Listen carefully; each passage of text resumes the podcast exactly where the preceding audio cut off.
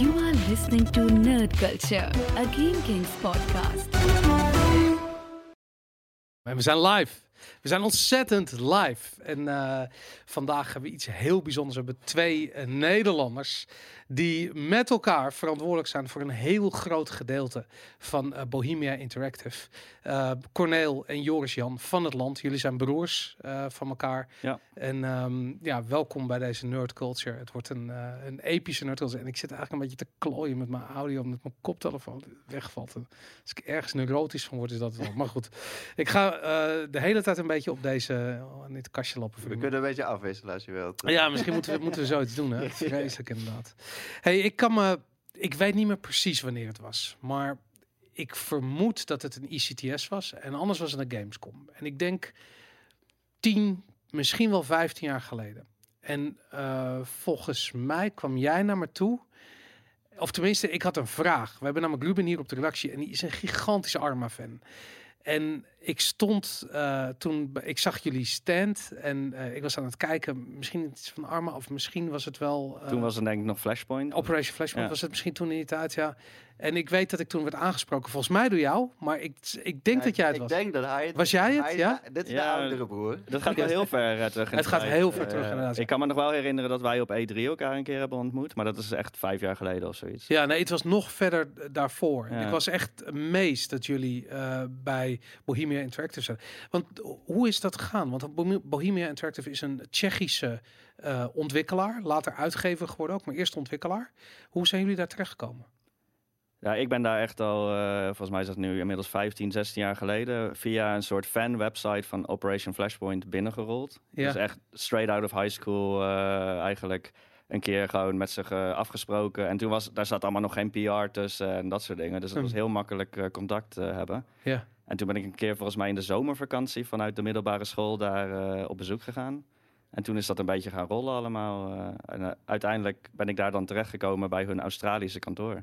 Wacht even, want de middelbare school heb je gedaan in Tsjechië, in nee, Nederland nee, nee, of in Australië? Dat, dat was gewoon in Nederland. Dat was in Nederland, Die okay. heb ik toen afgemaakt, zeg maar. Ja. Toen ben ik begonnen aan een universitaire informatica-opleiding. Dat was saai. Ja. En toen, ja, toen heb ik contact gehad en uh, uiteindelijk gewoon naar Australië gegaan uh, voor Bohemia Interactive. Wow. Ja. Want wacht even, jouw uh, officiële titel is Project Lead. Yes. wat is een Project Lead? Wat doet een Project Lead?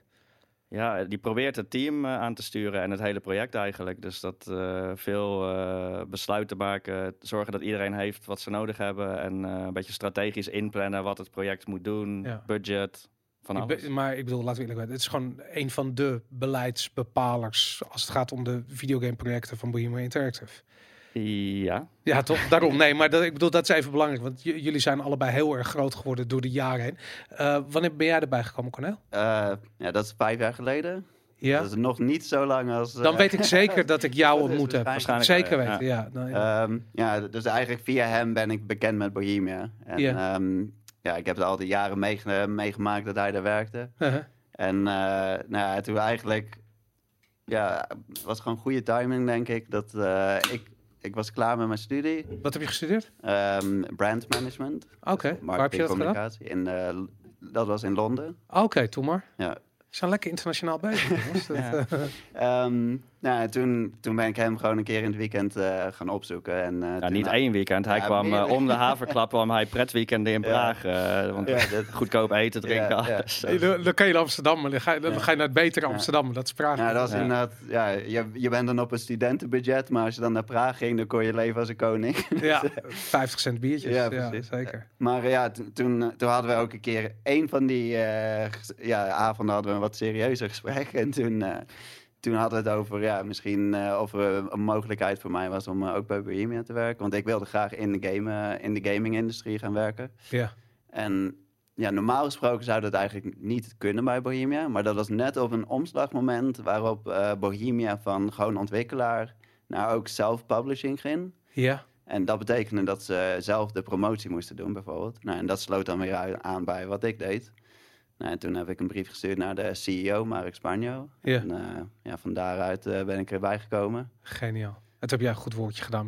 Ja, maar hij heeft het echt op eigen kracht. Verder, eh, ik heb daar vrij weinig hoeven te zeggen van... eh, Is dat niet zo dat, dat dan de directeur Mark naar jou toe komt en zegt van... eh, Nou ja, hij, Ja. ken, hij, kent, hij kende ons ook al eh, van... Want Marek, de, de Ja. baas, die is al een aantal keer naar Nederland ook geweest. Toen hadden we een beurs eh, van het eh, militaire trainingspakket. ja, En toen is hij ook bij ons thuis een keer geweest. Dus hij kende Cornel al wel een beetje. eh, maar, Ja. maar verder... was er ook nog een leuk verhaal over eh, hoe Joris-Jan, hoe ik weet dat Joris-Jan bij uh, Bio is gekomen, is dat hij dat in, in die tijd had hij een fanwebsite over Operation Flashpoint. ja. En toen was die game dan net uit. En volgens mij is hij toen naar, ik weet niet of de Gamescom of een andere beurs gegaan. En had hij een afspraak met Marek. En heeft hij als, als ware de eerste mod voor Operation Flashpoint gemaakt. Ja, op een floppy disk. ja. Sick. Dat, dat was de launch van eh, Flashpoint in Brussel, in een militair museum. En toen heb ik hem inderdaad eh, een floppy gegeven. Hebben direct op de preview persbeeld, zeg maar, die mod gedaan. En toen, eh, hij wist niet eens dat het kon, überhaupt. En eh, volgens mij, leg, jij legde het uit dat het eigenlijk letterlijk was dat een auto van A, punt, punt A naar A, Ja. punt B reed. En dat Belachelijk simpel. Maar dat was in die tijd was dat eh, spectaculair. Ja. En dat was, ja, want ik kan me herinneren, Operation Flashpoint was op de PC. En bij mijn weten is er alleen later een Xbox 360 poort geweest. Nee, van- op de, hoe zeg je dat tegenwoordig? De eerste Xbox, niet de, De- de- Xbox One. oh, de allereerste De Xbox, ja. allereerste. We hebben geprobeerd Arma 2 naar de Xbox 360 te porten, maar dat werd op een gegeven moment zo'n eh, chaos met eh, hoe weinig geheugen dat apparaat had. eh, dat kregen we niet goed aan de praat. Oh shit. Want het was Dragon Rising, was dat toch? Operation Nee, Flashpoint? dat, dan wordt het lastig. Dat was namelijk, dat is zeg maar de spin-off die Codemasters toen op eigen houtje heeft verder ontwikkeld. Ja, dat, jullie hebben een rechtszaak gehad met Codemasters. Dat was een drama, dat weet ik nog. Ja, oh shit, daar moeten we het allemaal over hebben. Er zijn zulke fascinerende dingen gebeurd door de jaren heen bij Bohemia. Want nu hebben jullie dus een kantoor geopend in Amsterdam. Ja, dat is Ja. wel waarschijnlijk belangrijk om uit te leggen. In het begin hebben wij allebei, allebei in eh, Praag gewerkt. Ja. Dus ook in het kantoor. En nu ongeveer ja, iets minder dan twee jaar, denk ik, eh, zitten we ook in Amsterdam. En daar hebben we dan een kantoor met nu negen mensen. En wat doen jullie in Amsterdam dan? Games maken. En waarom in Amsterdam? Waarom niet in Praag? Ja, eh, meerdere redenen. Wij, wij op een gegeven moment hadden wij na vijf jaar ook van... wij willen toch weer een keer gewoon naar Nederland. Je gaat toch bepaalde dingen missen. Al, hoewel misschien Nederlanders denken, eh, waar heb je het over? Maar Ja. Sommige dingen zijn gewoon fijn in Nederland. En eh, toen kregen we gewoon die mogelijkheid via de CEO eh, die dat eh, ondersteunde. Ja. Ja, dat hebben we aangegrepen. Maar daarnaast ook zakelijk natuurlijk eh, is wel het ook het idee dat in Nederland heb je gewoon een goede arbeidsmarkt. Ook qua game developers of in ieder geval Ja. software, ICT, dat soort dingen. Het is vrij internationaal. Veel studenten, heel Ja. internationaal aangelegd. Dus dat zit er ook bij. Is dat meer dan in Praag? Want Praag is Ja. toch ook gewoon een hele internationale stad. Ja, is ook zo. En de afgelopen jaar steeds meer. Maar er zijn bepaalde disciplines die heel moeilijk te zijn om te recruteren daar. Bijvoorbeeld programmeurs. Echt waar, joh. Ja, die moet je dan of uit Amerika trekken, maar dat, dat is gewoon ja. salaristechnisch niet eh, Ja. haalbaar. En uit het Oostblok. Ik bedoel, dat is waar heel veel programmeurs... En dan is Praag dichterbij dan Amsterdam. Ja, en Ja. toch is het op de een of andere manier eh, lastig om eh, echt goede mensen te vinden in Ja. bepaalde posities. Volgens mij zijn er ook minder game development studies in Tsjechië dan in Ja, Nederland. i- in Nederland is dat, eh, ik weet niet hoeveel er zijn, maar in ieder geval vijf, al, geloof ik. Dus er is eigenlijk een Ja. overvloed aan afgestudeerde game-studenten. Ja, maar geen programmeurs. Het zijn allemaal Ja, van, die, dat van die conceptuele studies. En Ja. dan is, verschilt het niveau ook nog een keer. Weet je, Ja. en dan heb je zoiets van, ja, hoeveel game designers, creatief heb je nodig? En Vaak ook echt de echte specialisten, programmeurs, die komen meer uit de ICT-opleidingen. Dus, Mm. Want dan moet je ook echt goede wiskundige achtergrond hebben, dat soort dingen. Daarom, ja. Nee, dat snap ik inderdaad. Hey, en ehm, ehm, ik ben een beetje eh, afgehaakt, wil ik niet zeggen, maar ik ben een beetje het spoor bijster geraakt na DayZ. Want op een gegeven moment, DayZ was een mod van Arma 2. Ja. En jullie hebben nog Arma 3 uitgebracht. Dat was denk ik twee jaar geleden zoiets. Vijf jaar geleden. Vijf Vijf jaar geleden is Arma 3 Ja, alweer. echt. Jesus Gaat Christ. snel. Ja, Ongelooflijk. Ja, maar was. DayZ dan niet een mod voor Arma 3? Of voor Nee. Arma 2? Twee. Jesus, zo oud is dat al. Ja. Ongelooflijk. Nou, precies. Ja, dat, Ja, ja, dat is een heel lang verhaal ook weer. Maar eh, hoe is dat begonnen? Dat was eh, Dean Hall natuurlijk, is Ja. daar de, zeg maar de, de, het brein achter. Achter DayZ, ja. Die werkte op een gegeven moment ook echt bij Bohemia. Die zat in ons designteam ook. ja. Die deed in zijn eigen de tijd. multiplayer van Arma 3 in die tijd. Ja, precies. Als, als eh, zijn dayjob, zeg maar. Oké, en zijn side project was dus DayZ. Hij had een, eh, een eigen multiplayer community ook. En daar... Eerst was het niet eens zombies. Het, was Eh. meer, het ging echt over dat overleven en eh, ook over de, hoe een virus verspreidt. Want hij had ook familieleden die daar in die eh, immunologie werken en dat soort dingen. Sick. En dat is op een gegeven moment, ik kan me nog herinneren dat op een gegeven moment in een Russische streaming community dat enorm opblies Ja. en huge populair werd.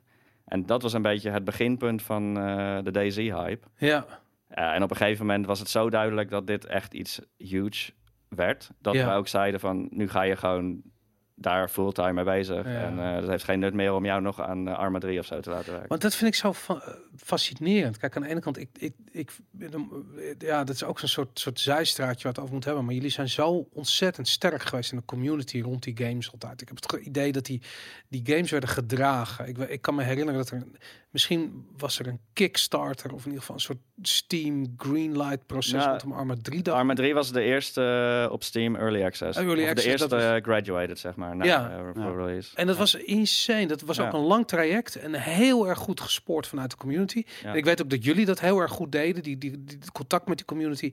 En eigenlijk was eh DayZ ook zo'n community project. Ik bedoel, als die vandaag de dag zou uitkomen, dan zou de eh, adoption nog veel sneller gaan op Twitch. Ik weet niet of je toen al Twitch had. Ik denk Ja, het dat niet. kwam net, was net in opkomst. Is zoiets inderdaad, ja. Want ik weet wel dat ik daar goed deed. En dat soort dingen, ja, dat gaat nu nog veel harder. Weet je, alles wat door een community wordt ge, geomarmd, dat gaat, dat gaat nog tien keer harder. Ja. Ehm, maar na Arma 3 ben ik een beetje de draad kwijtgeraakt. Wat zijn jullie dan die afgelopen vijf jaar aan het doen geweest? Ja, Arma 3, dat, eh, wat er ook nog bij komt kijken is dat Arma 3, voordat het uitkwam in Early Access, had het een projectcrisis eigenlijk. Eh, het is begonnen als een expansion voor Arma 2. Ja, Maar dat werd op een gegeven moment zo groot ook dat het echt eh, duidelijk werd dat het een nieuwe game was. Maar de visie was een beetje, eh, die liep van de rails. Daarbij kwamen nog een aantal andere vervelende... de arrestatie van twee van jullie medewerkers ja, in Griekenland dat spionage. allemaal- Ja. Dat, dat was, Dat is wereldnieuws geweest. En dat kreeg ik te horen de dag nadat ik de projectleiderschap eh, overnam. Oh, sick. Zo begon je... Hoe, want ja, daar, moet, daar moeten we het even over hebben. Wat, wat is er gebeurd? Ja, eh, ik, ik blijf nog een beetje terughoudend, omdat het nog steeds speelt. Joh. En ik wil niet... eh, De rechtszaken zijn nog niet... nou, toevallig was er, eh, volgens mij twee weken geleden, is er een... eh, be- in beroep is de zaak geweest. Ja. En is wel een... eh, de straf is verlaagd. Ja. Ze hoeven ook niet meer in de gevangenis of iets dergelijks. Oké, want ze hebben wel lang in voorarrest gezeten. Ja, vier maanden geloof ik. Ja.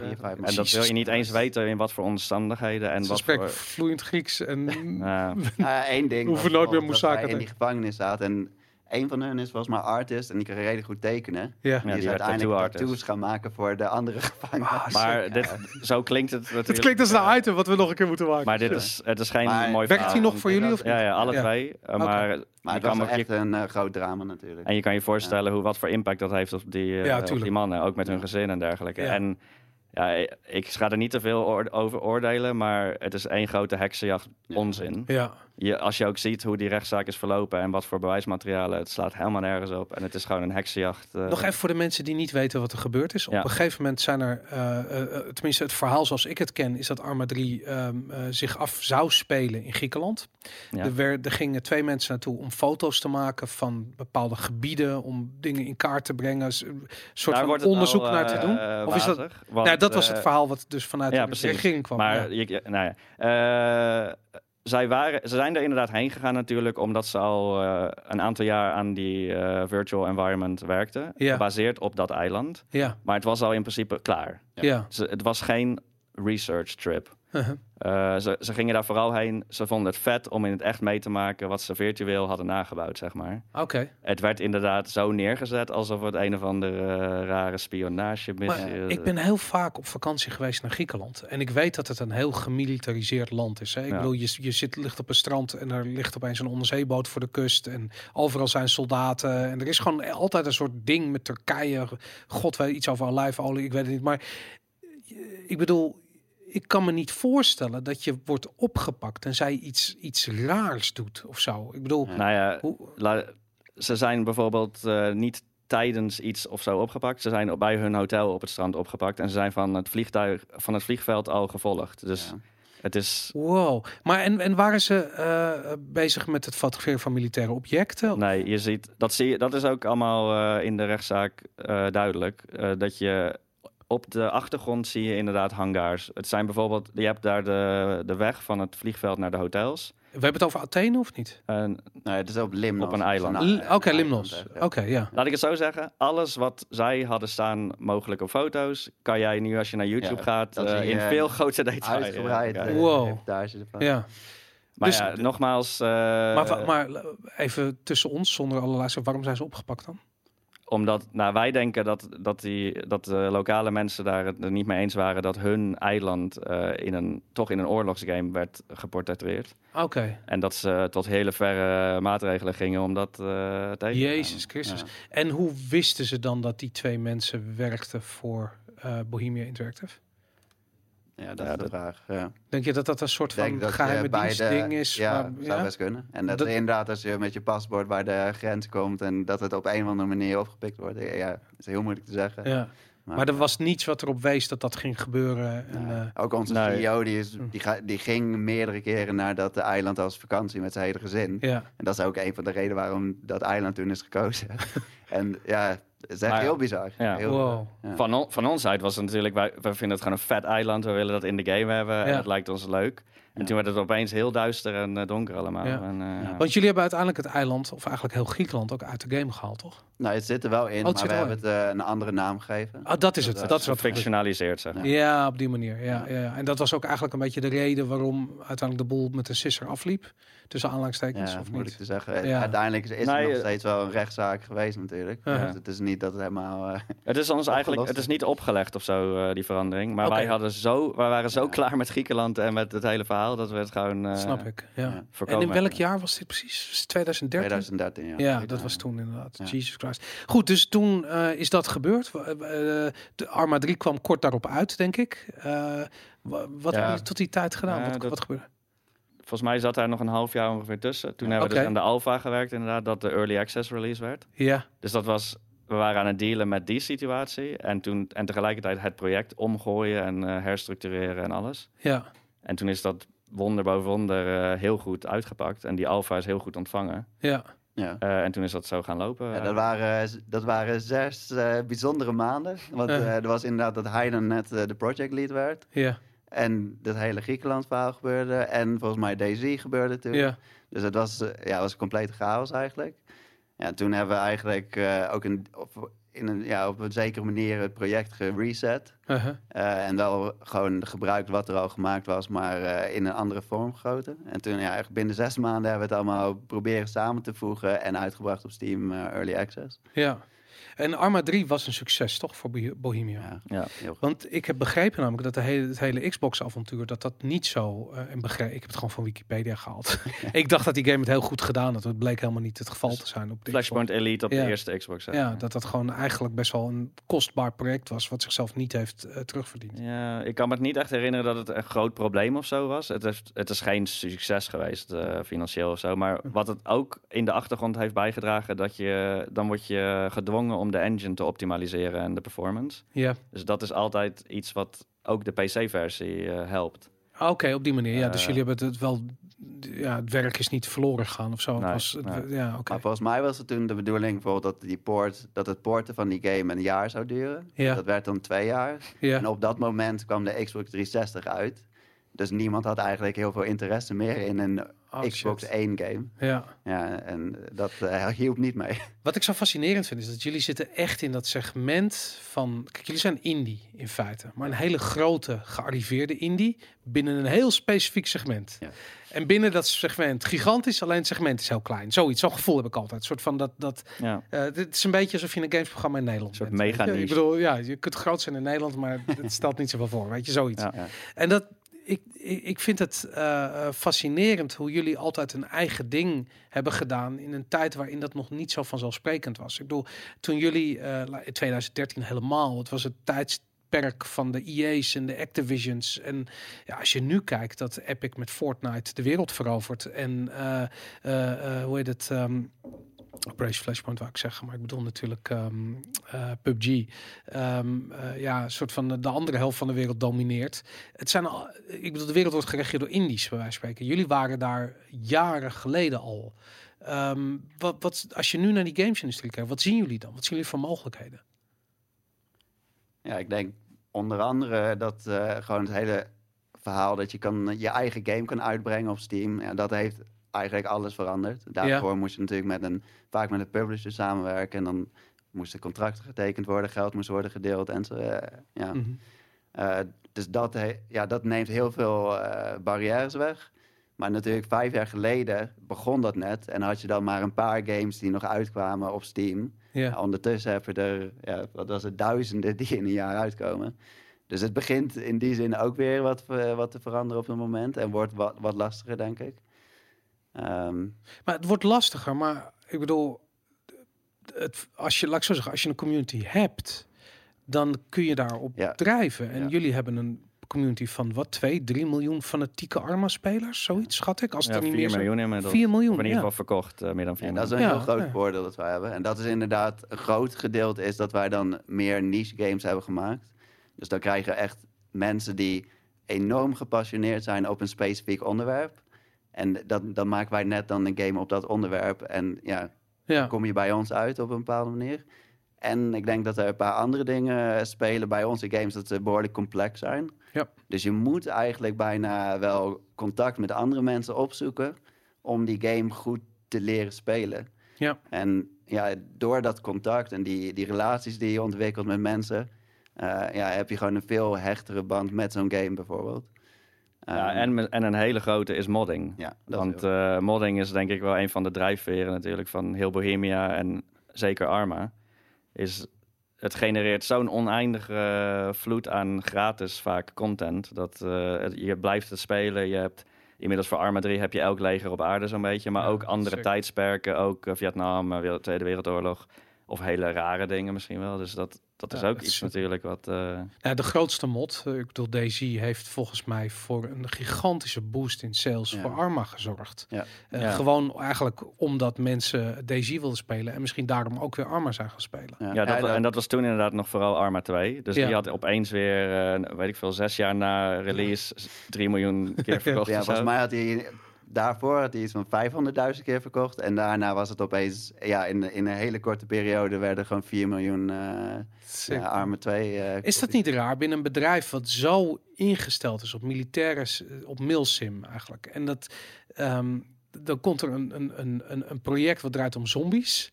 En dat is super succesvol. En dan moet het hele bedrijf een soort spagaat ver. Gaan we nou zombies doen of gaan we door met milsim? Ja. Hoe, hoe werkt dat?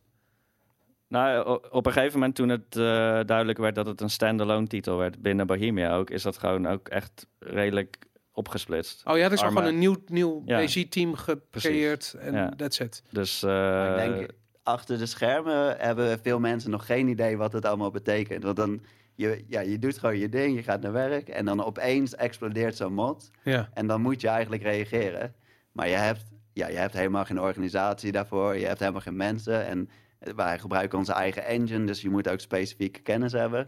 Dus het duurt, het, het is heel moeilijk en het duurt gewoon tijd om dan zo'n team te creëren die dat goed kan opzetten. En in de, in de gaming-industrie gaat het binnen een paar maanden verandert alles weer.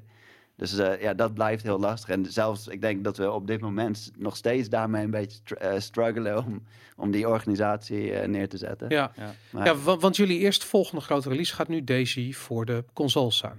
Voor de PlayStation 4, voor de Xbox One. Dat, dat, dat, dat tenminste, dat is wat ik lees als ik Bohemia Google. Ja. Klopt dat of niet? maar ook gewoon nog steeds de, de 1.0 version van de PC-versie. Van, van, Van. Van Nee, DayZ. van Sorry. Oh, sorry. Oh, DayZ. die moet nog steeds komen. Dat, eh Ja. Het zit Hij nu... eh, ook zo. Nou, eerlijk gezegd, voor ons ook, het duurt te lang. Dat Ja. hebben we ook al meerdere keren in, in de devblogs is dat verteld. Eh, Mm. Om duidelijk te zijn, wij zitten zelf niet heel direct in het DayZ-verhaal. Eh, wij zitten echt meer aan de Arma-kant, maar je ziet Ja. natuurlijk, je krijgt veel te horen. Ja. Het heeft te lang geduurd, maar dat heeft ook redenen dat we met DayZ hebben geprobeerd om onze nieuwe eh, engine te ontwikkelen. Oké. En dat moet echt de engine zijn die eh, Bohemia de komende 10, 15 jaar gaat gebruiken. Ja, ja. En dus, ja, oké. Dus dat- als die uitkomt, Ja. is dat is de eerste showcase game voor die nieuwe engine. Ja, het is nog steeds een beetje een soort hybride tussen de oude engine en de nieuwe, maar er zitten al heel veel onderdelen in. Maar dat maakt het heel erg complex, want een engine ontwikkelen is een heel lastig verhaal. En dat is ook, nu met het hele early access verhaal, krijgen gamers, die krijgen ook steeds meer inkijk in eh, dat hele proces. Terwijl vroeger, je had zat projecten die compleet, eh, weet ik veel, delayed waren of eh, gecanceld werden, maar dat kreeg je nooit te horen. Ja. En nu zit je daar zo direct op dat het Ja. allemaal heel lang lijkt te duren. Ik vraag me, misschien kunnen jullie me dat vertellen. Waarom, waarom is het de moeite waard om zoveel tijd in een engine te steken? Waarom niet gewoon eh, Unity of Unreal, Ja. weet ik veel? Eh, misschien één voorbeeld wat eh, nu speelt is natuurlijk PUBG en Fortnite. ja. En ja, die hebben nu dat probleem dat ze allebei dezelfde engine eh, gebruiken. En, maar Epic, die heeft die engine gemaakt en die maakt ook Fortnite. En die is veel Dus- beter. En, nou, dat, dat kan. Maar je verliest natuurlijk een bepaalde onafhankelijkheid als je iemand anders eh, zijn engine gaat licensen. En het kost geld. Ehm, dus dat is één kant, denk ik, van de afweging. Maar, Maar ja, dat is politiek in- versus jaren ontwikkeling. ja, dus dat is inderdaad een afweging. En ja, daarbij komt dus dat wij ook niet hadden gedacht dat het zo lang zou duren om die engine eh, te maken. Maar ja, dat is dan heel moeilijk in te schatten van tevoren. Ja. Dus ja, het is moeilijk achteraf. Kan je, kan je misschien een andere eh, conclusie trekken dan... Uh, Voorheen, het of? is gewoon een enorme investering om je eigen en- engine Ja. te doen. En niet veel gamebedrijven doen het meer. Iedereen zit op Unity of Unreal natuurlijk. Ja.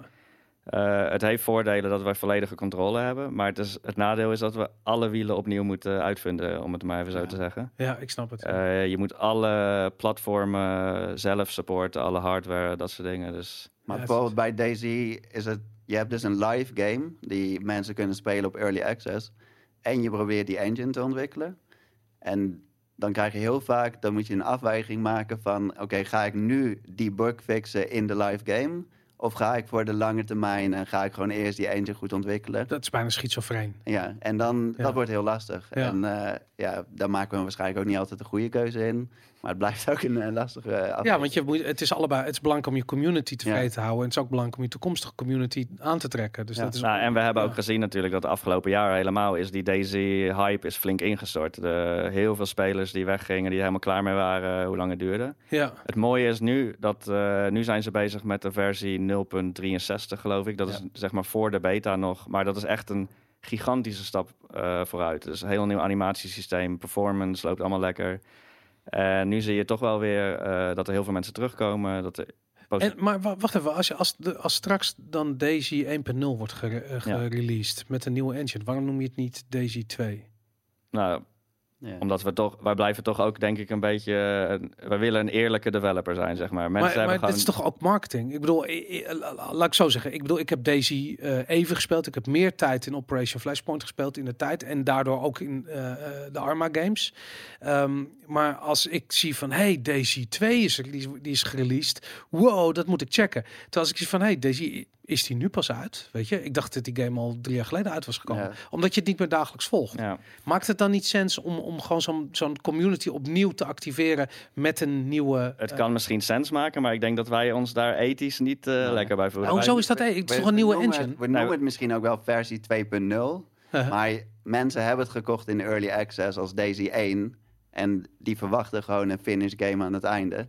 En niet dat we eh, opeens die game overslaan en dan naar Daisy 2 gaan.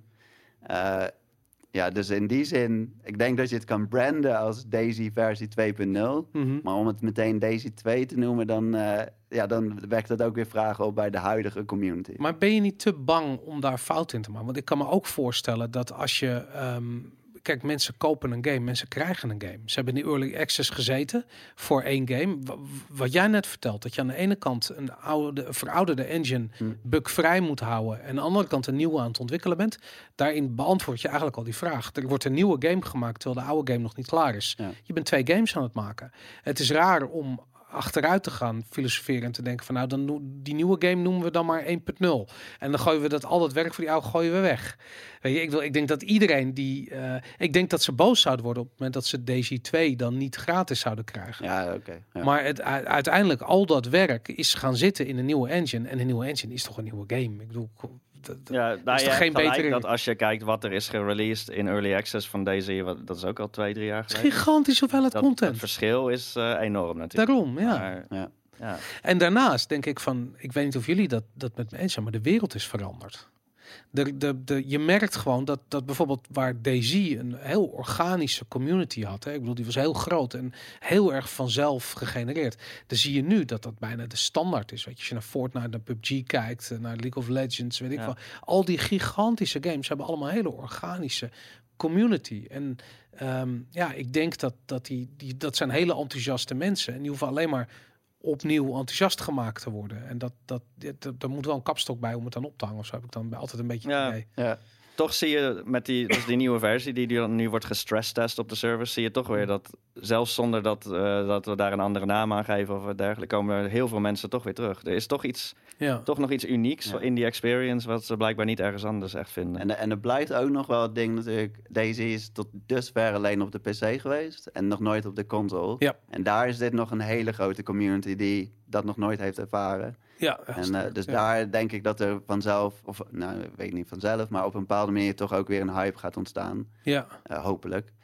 En er is ruimte in de markt, want ook bijvoorbeeld State of Decay 2, die heeft toch weer zeggen. 2 of 3 miljoen. ik zag het mij, inderdaad. eh, Terwijl die game, eh, nou ja, als je het echt hebt over een deel 2 wat niet anders is dan deel 1, dat is wat, ze hebben het omgekeerde gedaan. Ze hebben dezelfde engine Ja, gebruikt, ja. ze hebben er gewoon een 2 Ja. achter gepakt, dezelfde game nog een keer uitgebracht gebracht met iets meer werk en eh hop, 3 miljoen stuks verkocht. Ja, het is insane. Maar ik zou, ik zou je suggestie opwerpen. Wij gaan hier dus niet direct over deze. Nee, ik snap het. Ik snap dat het ook een beetje raar is dat ik met jullie hier zit te brainstormen over Ja. hoe, je, eh, hoe je deze moet releasen. Hey, maar eh, en als je dan naar die, naar die wereld kijkt, hè, die community-driven eh, eh, projecten die, die zomaar schijnbaar uit het niets ontstaan. Want ik weet niet of jullie Fortnite gespeeld hebben voordat eh, eh, de, de gratis. Ja, die eh, horde mode. hmm. Ja, ja. nou, dat was gewoon, dat was niet echt een Laat ik zo zeggen, zo'n game kreeg een 7, eh, misschien op Metacritic, en verdween in de eeuwigheid. En toen was er opeens die gratis Battle Royale mode. En toen, boom. Toen, Ja, toen ja, hebben ze dat Paragon-team eh, gesloten natuurlijk, om alles erop te zetten. Insane. Ja. Maar wa- wat betekent dat voor game developers vandaag de dag? Voor jullie in het bijzonder, maar voor game developers in het algemeen. Hoe bedoel je precies? Nou, als je ziet dat, eh, kijk, het model vroeger was je ging naar EA en je bracht een game uit en EA stopte er heel veel marketingbudget in en that's it. Tegenwoordig zie je van geen marketingbudget, proberen organisch community te creëren en als die er ook maar een beetje is, boom, pompen en, ga, en gaan en het, en het ontstaat schijnbaar vanzelf.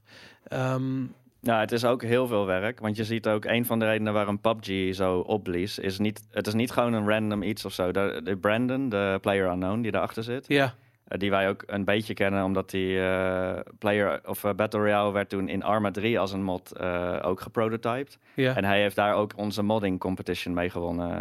Dus dat, daar zit ook weer een connectie. En dat was eerst, de- voordat hij uitkwam, voordat PUBG uitkwam. Ja, ja, ja. Ja. De PUBG standalone spin-off, dat kwam daar allemaal na, zeg maar. Ja, ja, ja. Eh, maar wat hij heel slim heeft gedaan, is hij heeft enorm veel energie en tijd gestoken in eh, al die streamers, al die events. Heel veel eh, van netwerk. ja. inderdaad. en Ja. dus het is niet zomaar van eh, we gooien het de wereld in, het is een succes. Hij heeft Nee. dat echt die heel, heel die basis heeft hij gecreëerd. Maar ik denk met Ja. bijvoorbeeld zo'n succes als PUBG, dat is dan zo'n groot succes.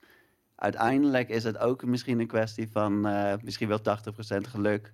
Dat je net de goede timing hebt. Je hebt dan zo'n game die ja, zich best wel goed leent voor dat concept. ja. Eh, en misschien ja, de, de, hoe, hoe de streamen in elkaar steekt in het moment. En, en ja, het hele internet. ja. Dus ik denk, ja, tot een aantal miljoen spelers, dat kan je misschien nog door jezelf eh, beïnvloeden. Maar op een gegeven moment wordt zo'n succes zo enorm en dat wordt dan een, een sneeuwbal als het ware.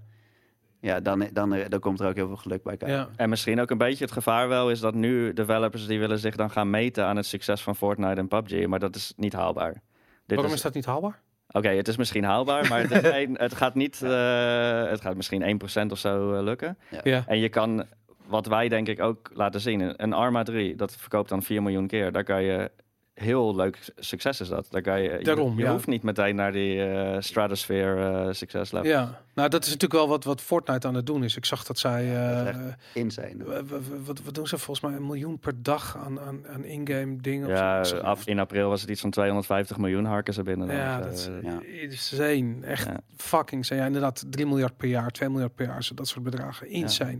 Hey, en ehm ehm, Ja, en, en nog Ja? belangrijk dus, daar, daar zit ook die rechtszaak eh, een beetje tussen. Maar zij krijgen natuurlijk ook nog royalties dus van de Unreal Engine van PUBG. Ja. En alle andere Unreal Engine games. is dat de reden waarom de rechtszaak is aangespannen, denk je? Zodat ze die Nou, royalties er zit natuurlijk wel een. eh, ik weet niet of het daar precies over gaat. Ik ken de details niet. Maar er zit natuurlijk wel een conflict of interest die niet helemaal Ja. lekker. eh, Ja, ik heb begrepen dat Tencent daar een interessante rol in speelt. Omdat Tencent aan de ene kant de royalties heeft voor PUBG in Azië. Hm. En aan de andere kant dus nu ook de royalties heeft binnengehaald voor, eh, voor Fortnite.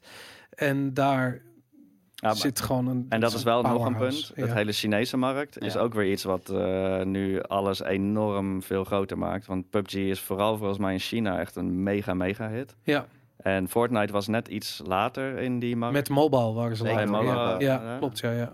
Maar ja, wij hebben toevallig nu ook één project waar we dan met Tencent eh, samenwerken. Islands heet dat. Dat is een meer eh, soort creative, uh, speelser. eh, ja.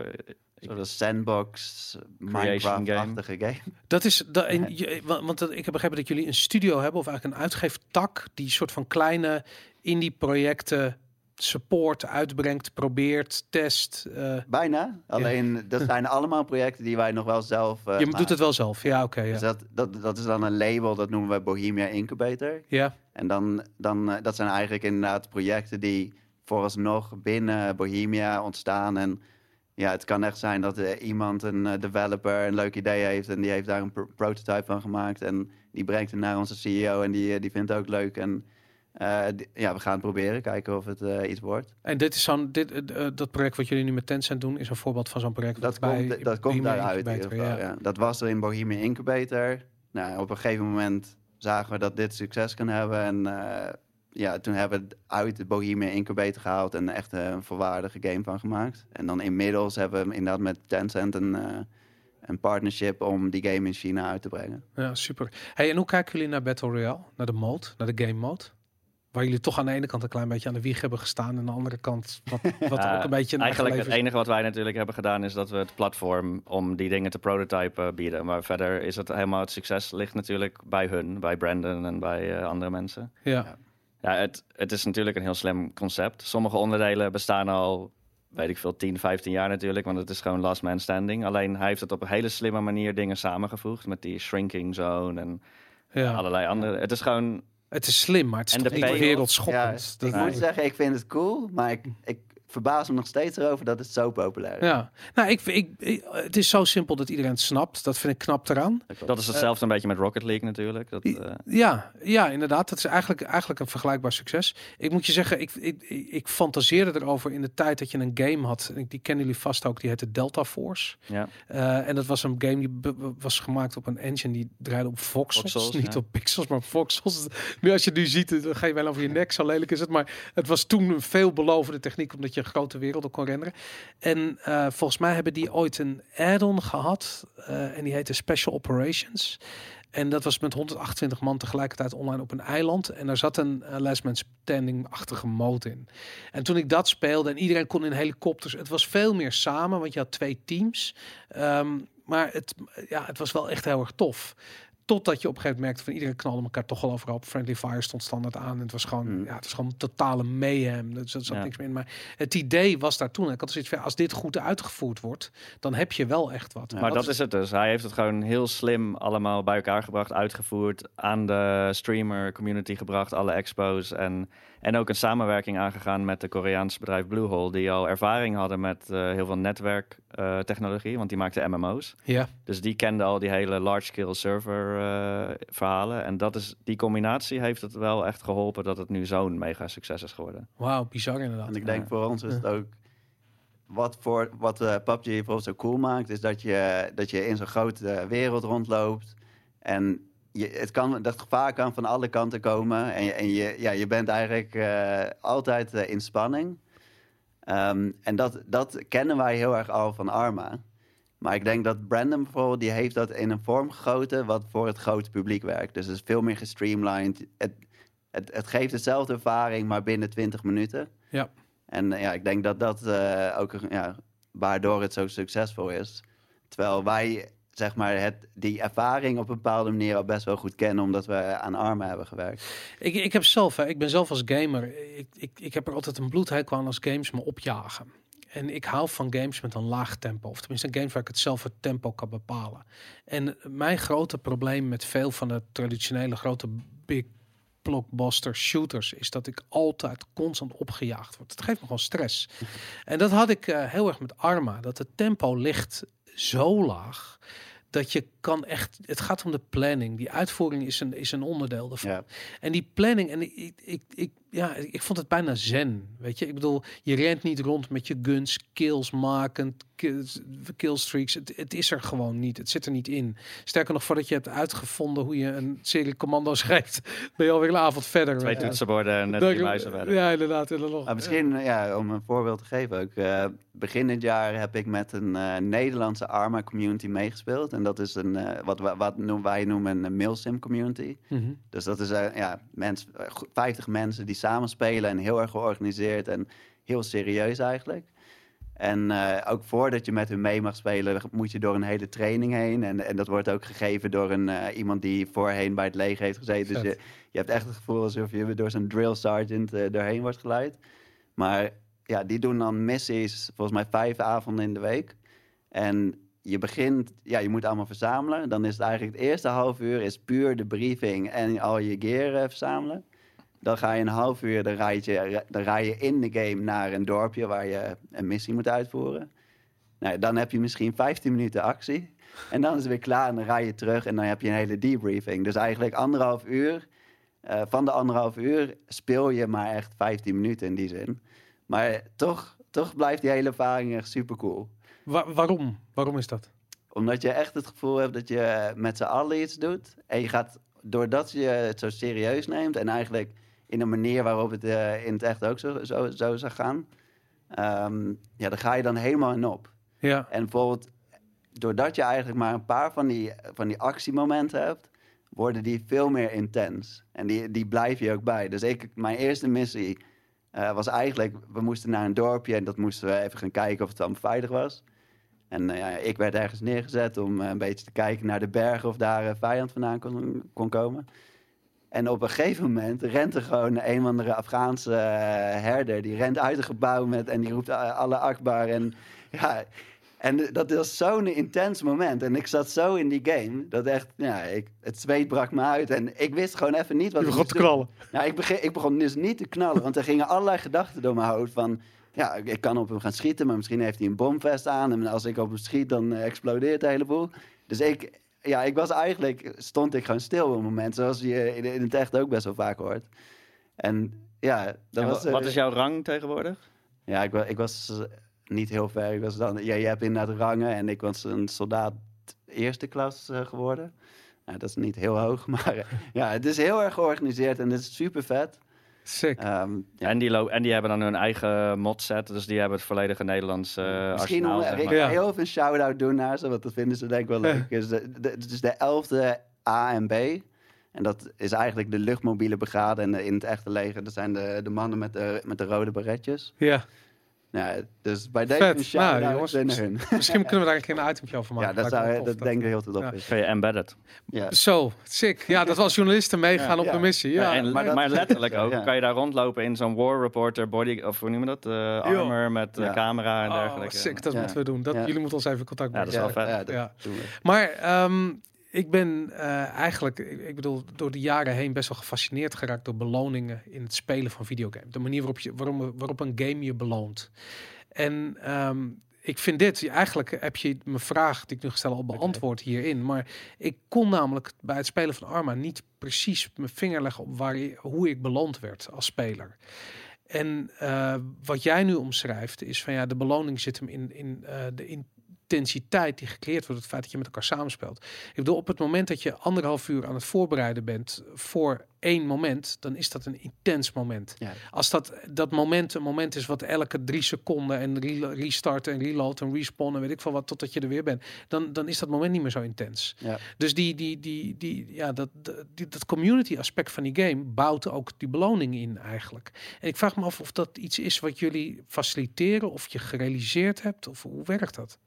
Ja, dat is, het is sowieso heel lastig, want Arma 3 multiplayer is ook niet één ding. Dit is één van de communities, is Milsim, Hardcore. En dit was een mod ook, die je gespeeld hebt. Ja, Ze gebruikten heel veel mods om het nog Ja. extra maar deze specifieke missie waar je het over hebt, was dat een mod? Nou, de- Dit wordt gemaakt door de gebruikers. Dus er heel snel uit te leggen. Er is een eh, functie in Arma 3 Ja. waarin één iemand bijvoorbeeld een game master kan zijn. Dus die kijkt van bovenop op, eh, op, het, op de battlefield. Ja. En die kan dan eh, ja, gewoon vijanden toevoegen hoe die wilt. En die controleert dan de missie zoals je met Dungeons and Dragons, eh, met die tabletop games ook hebt. Ja. Dus dit Dus is het eigenlijk on the een fly missie worden gemaakt, eigenlijk on the fly door Oh, het is echt on the fly. Ja. Ja, wel, de basis is er meestal, maar dan gooien ze hier een squad bij. Of, eh, Zeker, een live nog- level editor is dit. ja, ja, Ja. ja. En sterker nog, die Zeus- dat heet Wow. een Zeus, is die Mhm. Game Master. Die kan ook een, eh, bijvoorbeeld een willekeurige AI-burger. Kan die, eh, hoe noem je dat? Eh dan kan die erin gaan, zeg maar, en hem roleplayen. Zo. Dus dat, dat ja. gebeurde met die Afghaanse herder die op mij af kwam rennen. Ja. Dat was dan Zeus en die nam controle van een van die karakters. En die had dan ook zijn microfoon aan en die, die riep dan door de microfoon. ja, zo. Sick. Oh ja, maar om, om dus dat verhaal af te maken. Dus dat is één deel van de community. Maar Ja. er is een eh, even zo groot, of als niet groter, eh, deel van de community... is de zogenaamde live roleplaying eh mods. En die spelen Arma op een compleet andere manier. Die spelen eigenlijk een soort eh, cops en robbers. Ja. Ja. Dus die op een hele ja, Een hardcore soort van manier... GTA Online. Ja, maar dan extreem eh, serieus. Dus ook echt dat je als je een speeding ticket krijgt... en je gaat de gevangenis in, zitten ze daar Ja. een paar uur. Ja, En dan heb je Eh. ook echt mensen die dan de rol aannemen van advocaat. En dan eh, Ja. de hele rechtszaken in die game hebt. Dus dat is nog een hele community. En dan heb je ook nog de meer traditionelere modes. Zoals eh, eentje die heet King of the Hill. En dat, is, nou ja, dat, dat zegt al een beetje wat het is. Dat Mhm. is net iets meer traditioneel, I guess. Shooter-achtig, Ja. traditioneel, ja. Ja. En dan heb je nog een hele waslijst aan eh, community-created campaigns en eh, verhalen. En, Oké, maar als je dit dan bekijkt, hè, dus jullie zien dat, jullie hebben die communities in kaart gebracht en je ziet eigenlijk die, die, die gameplay modellen die daar ontstaan. Ja. Hoe ga je daarmee om als ontwikkelstudio? Heb je dan zoiets van, ja, ga je focus leggen op iets wat populair is? Dat Of- is wel het lastige, want als je puur naar de statistieken zou kijken, dan zouden wij nu gewoon eh, alleen bijvoorbeeld die live eh, mode moeten supporten. Ja, Want eerlijk gezegd, de mailsim community is in nummers of in numbers is dat kleiner. Maar dat willen we niet natuurlijk, want Arma blijft. Er zit wel een visie nog steeds achter. Het moet nog steeds wel een mailsim game blijven. En dan vinden we het best dat het ook een, een eh, uitgebreide platform is. Maar de experience die wij leveren, willen we nog steeds die militaire eh mailsim. Maar bijvoorbeeld, ja, toen we begonnen noemden we Arma 3 nog heel erg een game. En inmiddels noemen we het eigenlijk veel meer een platform. Omdat Ja. je gewoon zoveel verschillende ervaringen kan hebben. En bijvoorbeeld met hun, onze updates en de DLC eh, houden we er wel rekening mee. Uiteindelijk ja, richten we ons vooral wel op de militaire kant. Maar ja, we kijken ook wel van, ah, kan dit wapen of eh, dit, eh, dit kostuum, kan dat ook gebruikt worden door de live mod bijvoorbeeld. Hey, en als je dan kijkt naar Arma als een platform, heeft dat ook gevolgen voor de manier waarop je het gaat vermarkten? Ik bedoel, op dit ogenblik is een game eh, gewoon nog één bepaald bedrag eh, op Steam afrekenen. Dan kan je eigenlijk de mod spelen of de mode spelen die je zelf wil. Eh, maar als je het als service neer gaat zetten, dat betekent dat klinkt veel meer als een fixed fee of een maandelijkse fee of weet ik veel wat. Ja. En een, Nou, ik, ik kan me nog herinneren ook dat we rond die alpha-tijd, vijf jaar geleden, hebben het ook besproken van eigenlijk puur theoretisch zou dit een, eh, een Arma subscription moeten zijn. ja, Dat je gewoon alle content krijg je gewoon, alle updates, whatever. Eh, maar dat op, op dat moment vonden we het toch nog net te heftig om daar eh, dat model aan te gaan. En hebben we een ander eh, DLC-strategy gekozen. Mhm. Die uiteindelijk ook ja, toch echt een succes is geweest. Want eh, daar hebben we heel erg geprobeerd om dat heel eerlijk naar de spelers te maken. Terwijl we toch nog ook een business moesten runnen natuurlijk. ja. Eh, maar ja, ik, ik, ik kan me dat zo wel voorstellen dat ooit een keer in de toekomst dat het echt die kant op gaat, toch? Ja. Ja. Wa- Want en als je naar de, de industrie kijkt, ik zie namelijk dat bijvoorbeeld EA struggelt als een gek met aan de ene kant iedereen die FIFA koopt, wat nog heel veel geld in het laadje brengt. Aan de andere kant moet er ook weer lootboxes en allerlei shit verzonnen worden waar gamers weer niet op zitten te wachten. Ik bedoel, iedereen lijkt wel zoekende. Ja. Op het moment dat je je eigenlijk community in handen hebt, dan heb je toch ook het antwoord op die vraag in handen. Ja, ik, ben, ik, ik denk dat bijvoorbeeld EA ook niet helemaal eh, goed bezig is. Maar er is één, denk ik, belangrijk verschil tussen ons en hun. En dat is dat wij dus inderdaad een indie zijn. Mhm. En wij, wij hoeven dus niet naar eh, aandeelhouders ons te...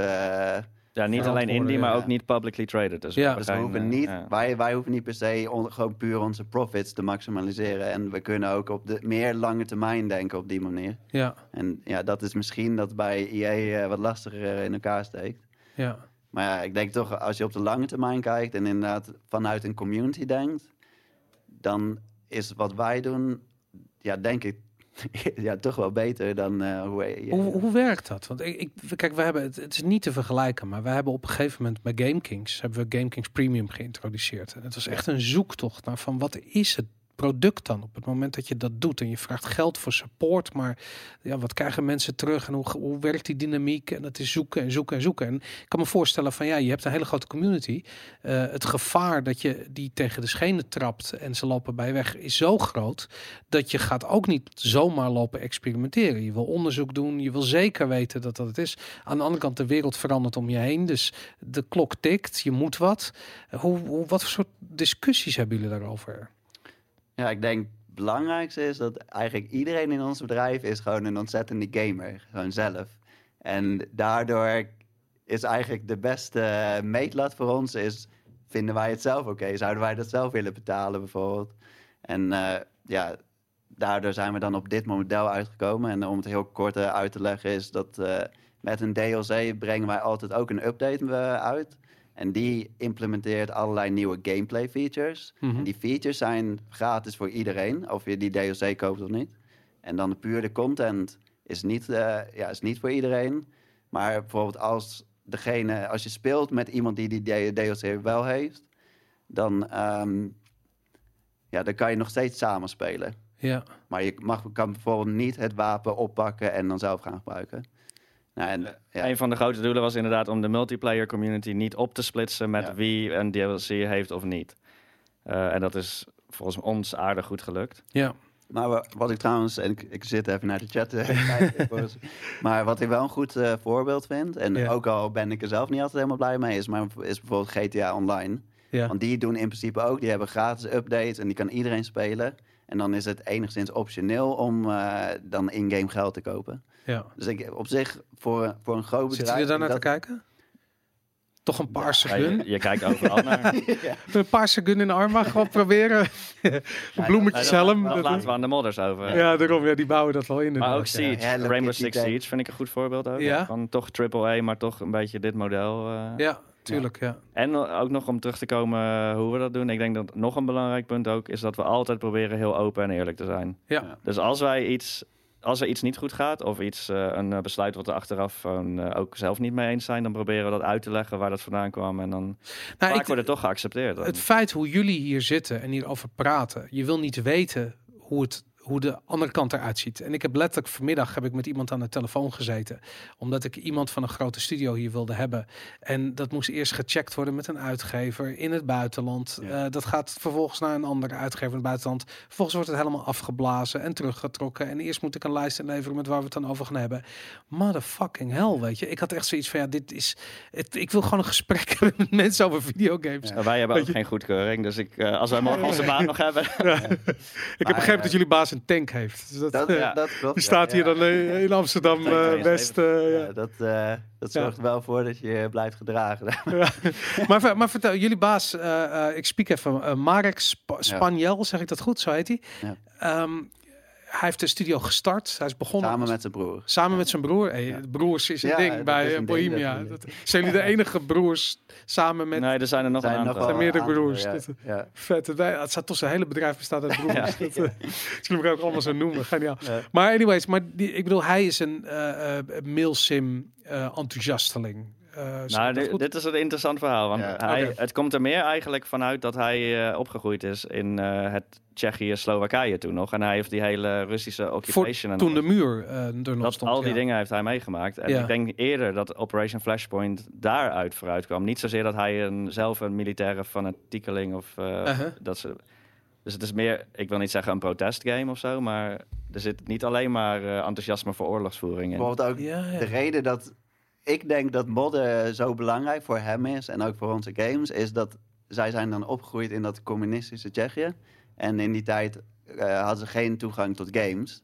Dus wat is, hij is gaan doen samen met zijn broer, is er gewoon op hun eigen computer hun eigen games gaan maken. Sick. En ja. ik denk dat dat bij hem is gebleven en dat hij toch het idee heeft van ik wil games maken die eh, andere mensen stimuleren om ook hun eigen dingen te maken. Ja. Dus, en ik denk dat het daaruit voorkomt. En Had hij je is niet de- een manier om toen aan games te komen? Ik kan me niet voorstellen. Nou, het was lastig. Hij- zij moesten hun eerste games, moesten ze nog met eh, grote tassen met Amiga cartridges naar Duitsland rijden en eh, Ja. op die manier verkopen, dat soort dingen. Sick. Ik kan me herinneren dat ik namelijk eh, al heel vroeg, en dat is denk ik Amiga-tijd of Commodore 64-tijd, eh toen kende ik via een BBS, via een bulletin board, een jongen in Amerika. En die was hacker tussen aanhalingstekens.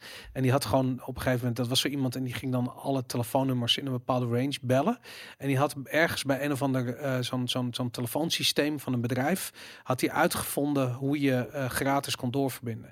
Dus hij kon in Amerika lokaal bellen en vervolgens werd hij doorverbonden met eh, mij dan in Nederland. En dan kon je met een modem, wat echt een je telefoonding legde je op een soort van speakertje of soort microfoontje. Ja. En dan kon ik een game downloaden, wat ongeveer vier uur duurde. Dus vier uur bellen met Amerika. En op een gegeven moment werd, er ook, werd ik ook opgebeld door een soort van onderzoeker van het tele- AT&T of zoiets. Ja. Dat, wie is die guy die je belt voor zoveel geld? Maar anyway, zo werden, kwamen games dan in Nederland terecht. En ik heb zoiets van, ja, dat moet toch ook wel kunnen in het Oostblok. Dat, dat, gewoon dat bellen Ja. en dan die dingen uploaden. Maar dit was, dit Ja. was nog ook voor de internettijd. Dus eh, dit is wel, ja, is- Ja, dat was dit dus ook. Dit was ook ver Oh, voor oké. internet uit. Dit Ja. was echt bulletin boards had je toen. De, eerste modems. Daar haalde je dan wat games en dingen. Maar dat is, dat is natuurlijk ook een enorme omslag geweest de afgelopen eh, vijf tot tien jaar. Is het hele digitaliseren en eh, alles online. Dus ja. Dat is ook waarom het kan voor ons dat we nu dit helemaal independent doen. Want Ja. daarvoor werkten we nog met distributeurs. Ja. En ik kan me nog herinneren dat ook, we werkten op een gegeven moment, ik weet niet eens meer welk project dat was, ook een Flashpoint of een Arma.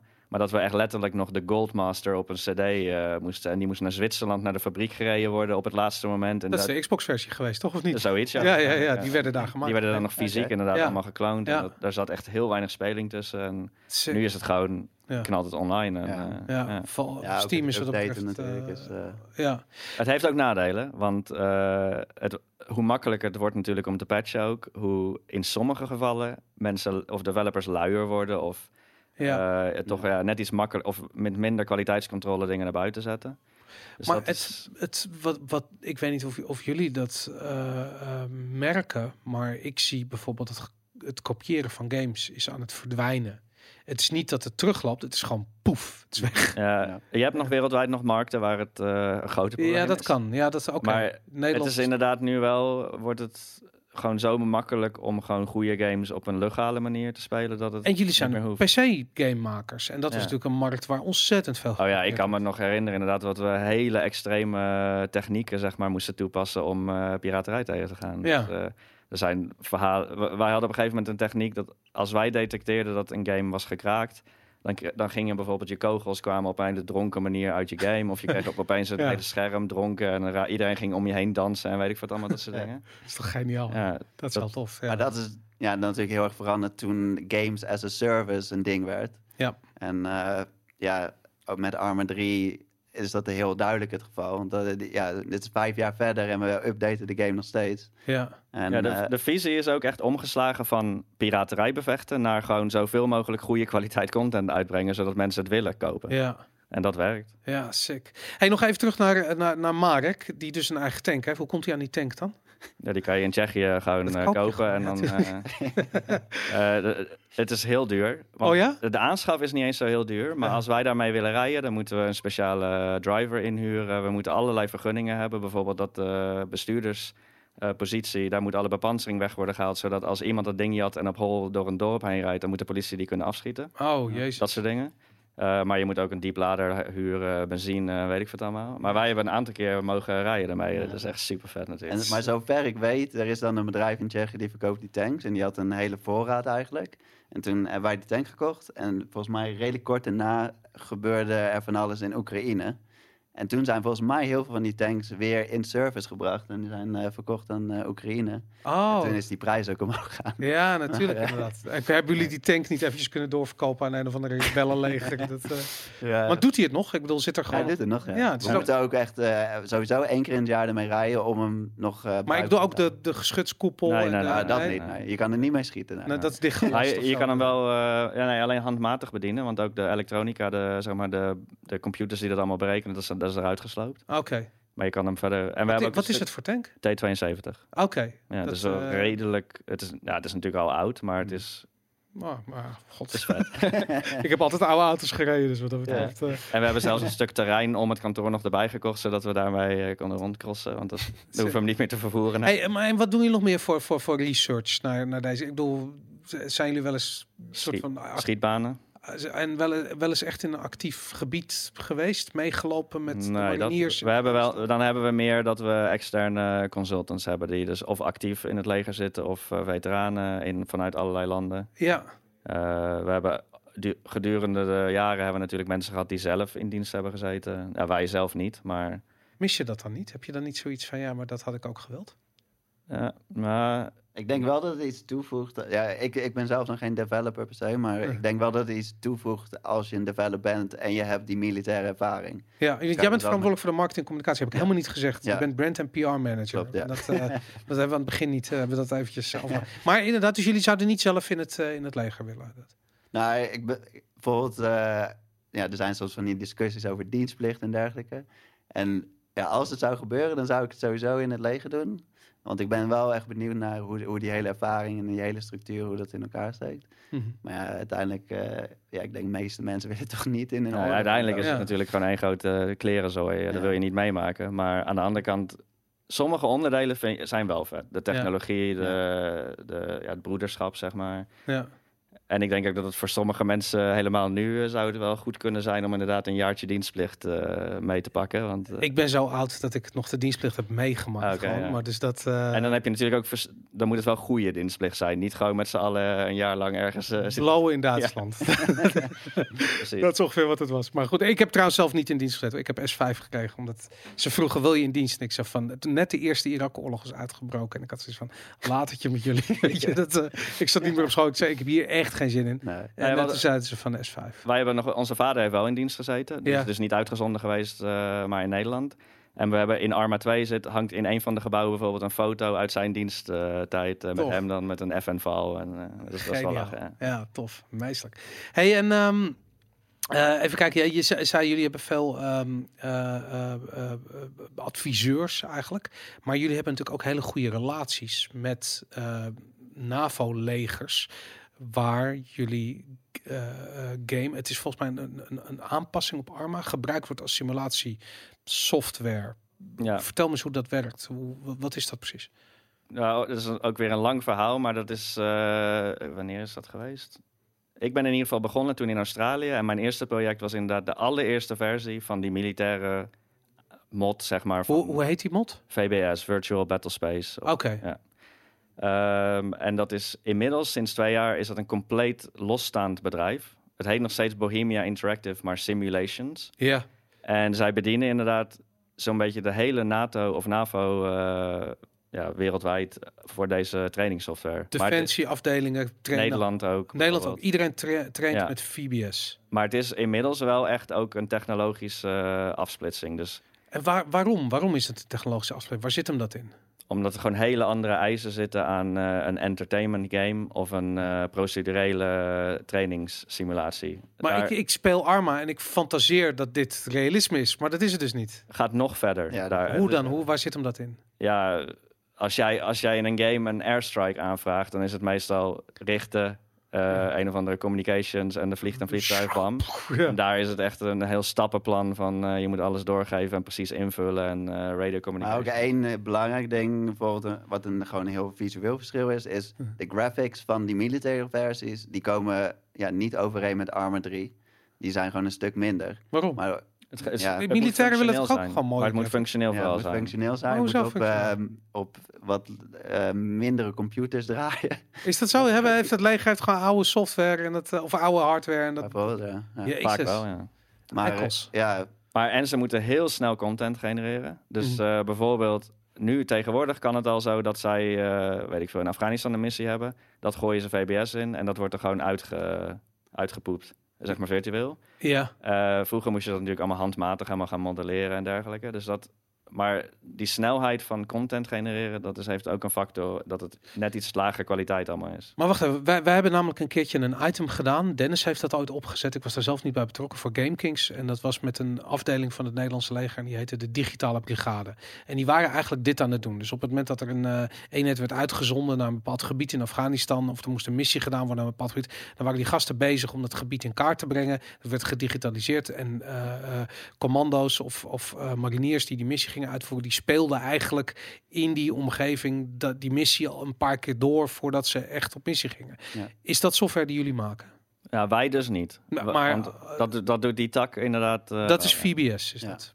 Ja, dat is een van de partijen, maar wel inmiddels een van de grootste volgens mij eh, die overal wordt gebruikt. Ja, want en je zegt wij niet, maar als je het dus hebt over Bohemia Interactive Simulations, zoals dat heet, dat, Ja. dat is niet jullie. Dat is- ja, de, de naam is verwarrend. Ja. Eigenlijk zouden zij het moeten veranderen, zeggen wij altijd. Maar ehm, dat is ook een verkocht- compleet ander bedrijf, inderdaad. De andere Oké. eigenaren. Ja. Ja. Ah, heeft niks met jullie te maken. Oké, Nee, maar uiteindelijk meer komt het wel voort uit hetzelfde DNA. Ja, En doen jullie nooit, ik kan me voorstellen dat er ontzettend veel kennis bij jullie in huis is die nodig is bij het ontwikkelen van zo'n VBS-systeem. Al was Ja, het en alleen maar om als de ja. graphics Ja. een keer wel goed moeten En zijn. sowieso een hele, heel leger aan ex-collega's die wij goed kennen, die werken daar of andersom. Dus Ja. Ja, dat Er zijn ook natuurlijk. inderdaad die, paar die heen en weer zijn gegaan eh, ja. tussen de twee bedrijven. Maar Maar- ook het Amerikaanse leger traint dus met VBS. Ja. Ja. Ik weet nog één, eh, toen ik dus aan die eerste versie wer- werkte, toen weet ik nog, een van de opdrachten was om de limousine van de president van Amerika eh, na te maken. Voor de Secret Service ook echt. Sick. En toen mochten wij ook niet weten precies bijvoorbeeld hoe dik de bepansering was, dat soort dingen. Dus we moesten hem een soort opleveren met gewoon willekeurige getallen. En dat Ja. zij dat dan nog konden aanpassen en dat soort dingen. Jezus Christus. Dat En, en waarom zou je dat... Omdat als ze er dan met een bepaald wapen op schieten... dat ze ook kunnen simuleren om te kijken van hoe lang Nou ja. blijft de bepansering...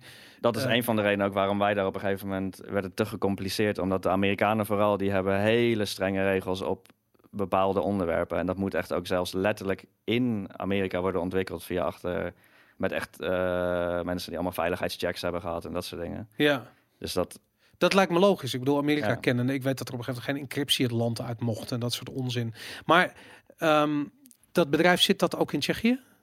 Eh, ja. Simulations? Veel, ja? Die hebben echt kantoren ook over de hele En wereld. Florida Ja. inderdaad, Polen volgens mij. ja. Oké, en dan wordt dus altijd veel. En het Nederlandse leger traint dus ook met VBS. Ja, en Nederland is wel ook zo'n land waar dat juist eh, heel goed voor is. Omdat die, die- we hebben geen geld, eh, of in ieder geval de budgetten worden helemaal weg eh Pinda, pinda, om pinda, überhaupt pinda. in Wat ze Nederland moeten roepen, toch? Ja. Tijdens die training, ja. precies. ja, ja. Dus Ja. omdat, als je dan virtueel toch iets kan trainen, Ja. dan eh, helpt dat. Maar laatst had bijvoorbeeld iemand die bij Bohemian Interactive Simulations eh, werkt. Die had een presentatie, volgens mij op GDC was dat. En ehm, ja, die had het eigenlijk erover dat hij had zelf in het leger gezeten. En die is, toen, nou, die is toen uitgezonden. En heel veel van de mensen om hem heen, dus dat, dan heb je het over mensen van 20 jaar bijvoorbeeld, ja, jongens van 20 jaar. Mhm. Die hebben allemaal Call of Duty gespeeld. Ja. En die gingen met die verwachting het leger in. Dat zij, en hij noemde het de Call of Duty hero shit gingen doen. ja. Maar ja, als je dan in het leger zit, dan dat is maar een heel klein onderdeel. En heel veel is gewoon ja, protocollen en eh, procedures en gewoon met de bevolking praten en dat soort dingen. ja. En dat zijn dan bijvoorbeeld ook dingen die in de VBS worden geoefend. Ja, die protocollen inderdaad. Ja, dat lijkt me heel saai. Eh, Moet, moet ik eens. zeggen. En, en de, de, ik, nee, maar ik snap dat daar een heel Ja. groot verschil met gameplay zit inderdaad. Ja. Ja. Ik kan me herinneren, een paar jaar terug, en er was een game die heette Full Spectrum Warrior. Die hebben jullie vast ook gespeeld. Was een console game, heel tactisch was het. Ehm, en die zeiden ook van ja, je- het Amerikaanse leger traint hiermee. En op een gegeven moment was het een soort van standaard. Er kwam geen game uit zonder dat erbij stond van het Amerikaanse leger traint ermee. En ik vraag me af, zijn dat dan gewoon, is dat gewoon dat er een Xbox in een kantine staat en dat ze dat dan allemaal geroepen? Of is dat... Eh, ehm, toen had je ook het project America's Army. ja, ja, en dat werd ook echt eh, daadwerkelijk met de US Army volgens mij ontwikkeld. Maar dan heb je een beetje dat grijze gebied tussen, eh, nou ik wil niet zeggen propaganda, maar Jawel, dat oké, mag je wel zeggen. oké, dat wil ik wel zeggen, propaganda. Ja, En training wordt dan een beetje verblurred. Terwijl VBS gaat het echt daadwerkelijk om het trainen. Niet zozeer om mensen naar het leger te krijgen. Ja. En hoe werkt het dan met data? Ik bedoel, als je ja, Google Earth bekijkt, is dat data die direct in zo'n VBS gaat? En Ja, de meest recente versie heet VBS Blue en dat is dus de hele aarde. En dat is vooral wordt dat gegenereerd op basis van open databases. Dus inderdaad Google of alles. Dat wordt er allemaal ingepompt en automatisch heb je de hele aarde eigenlijk. Ja. Dus als, je, daar- zegt van, er gaan Enschede bij de, bij de SPAR, eh, daar, daar zitten terroristen en er moet een missie worden uitgevoerd, Theoretisch, ja. dan, dan, dan En als ze dan heel specifiek iets nodig hebben, dan komen daar nog natuurlijk de militaire data bovenop. Omdat Ja. heel, eh, ja. hoe zien jullie de toekomst van, van deze techniek? Dus de, de militaire en de, ja, dat je inderdaad dus gewoon op de hele aarde kan. eh, Maar ik bedoel, je je hebt VR, je hebt AR, je hebt. eh, eh, eh, er zijn nog wel meer technieken op dit ogenblik waar aan gewerkt wordt. Wat, wat, wat zien jullie gebeuren? Wat zouden jullie zelf willen toevoegen aan zo'n ervaring als je bijvoorbeeld naar Arma kijkt? Nou, je krijgt één ding wat wel een beetje een ding wordt natuurlijk, hoe, hoe realistischer Ja. het wordt. Dan krijg je misschien op een gegeven moment dat het zo echt wordt dat, dat je dat Ja. misschien ook weer niet wilt. Want dan, Nou ja, dan krijg je wat, misschien wat er in. Griekenland al gebeurd is. Ook los van de trauma's, maar ook gewoon de, de belangenverstrengeling met... ook. Ja. Ja, eh, dus maar dat, bijvoorbeeld inderdaad, als je dan een missie doet en je, je moet op een iemand anders gaan schieten die zo echt is dat je ja, het onderscheid niet meer kan maken. Ja. Ja, ik heb daar ook geen antwoord op, maar dat is wel een interessant eh, vraagstuk. Van, ja, is dat nog oké en eh, wil je dat nog doen? Zou, zouden jullie daar zelf de grens trekken op het moment dat, dat, dat je op een echt op een als mens lijkend digitaal personage, wat ook menselijk reageert en please don't kill me. wij hebben dan ook weer een beetje eh, uniek perspectief. Dat ons laatste project en ook het eerste project wat we in Amsterdam hebben gedaan was de Laws of War DLC. ja. Dus die ging heel erg juist over het hele, over Geneva Conventions en de ethiek van oorlogsvoering en al dat soort dingen. Mhm. Dus wij, wij probeerden al een beetje met dat hele onderwerp ook te spelen. En ook niet alleen maar, zeg maar, zo'n hero shit shooter eh, Ja. te maken. Dat echt Ja. veel rauwer en eh, echter en ja. Ja, het geniaal. Ik, ik, Maar, maar wa- wa- hoe zou jij dat vinden als uh, volgens een game zo echt wordt dat je het onderscheid eigenlijk niet meer kan maken? Nou, ik, ik heb twee, twee ideeën daarover. Kijk, aan de ene kant heb ik zoiets van als we als je nu om je heen kijkt, deze ruimte waarin we ons bevinden, en stel je voor dat we hier uh, door middel van um, uh, mixed reality heel makkelijk een, een shooter zouden kunnen spelen, doordat er, weet ik veel, vijanden achter de, de televisies of achter de decorstukken vandaan komen, weet ik veel. Um, dat scheelt een heleboel ontwikkeltijd in het bouwen van 3D-omgevingen. Ja. Dus ik heb zoiets van, het is super efficiënt, weet je. Ik bedoel, daar waar ook heen met die VBS, de hele wereld kan al worden gedownload. Ik bedoel, ja, die hele wereld is al gedigitaliseerd. Dat betekent ook dat je het zou kunnen gebruiken als omgeving om videogames in te spelen. Dus het lijkt me heel efficiënt om dat te doen. Uh, en aan de andere kant, uh, um, ik ben als gamer altijd op zoek naar nieuwe ervaringen. Het hoeven geen grootse ervaringen te zijn. Ik hoef niet opeens een totaal nieuwe um, ja, toestand te ervaren. Ik wil hele kleine details wil ik ervaren. Dus het voorbeeld wat jij gaf, dat jullie zo'n missie hebben gespeeld, waar je anderhalf uur bezig bent aan de voorbereiding, en er komt opeens een guy uit het gebouw gerend en je weet niet waar je aan toe bent. Op dat ogenblik realiseer je dat je niet weet waar je aan toe bent en dat is een nieuwe ervaring. Ja, Want als ik Battlefield of Call of Duty of, of Rainbow Six Siege, of god weet welke game dan ook, waarschijnlijk 99,999% van alle situaties zich voordoen. Daarin weet ik precies wat er gaat gebeuren. En dat is gewoon saai. Ja. Weet je, je wordt niet meer verrast in videogames. Dus hoe ga je een nieuwe ervaring toevoegen? Dat is wat ik interessant vind. En ik denk van ja, als dat kan, doordat ik een, in, een, in een wat realistischer scenario terechtkomt, dat is geweldig. En oké, okay, als AI er nog niet is, dat ik tegen een uh, computergestuurde tegenstander kan spelen die mij kan verrassen. Fuck it, dan maar Zeus, de game uh, master die dat voor me. Ja. Maakt niet uit. Ik ben er even blij mee. Ja. Ook al moet ik anderhalf uur toeleven naar, naar het uitvoeren van die missie.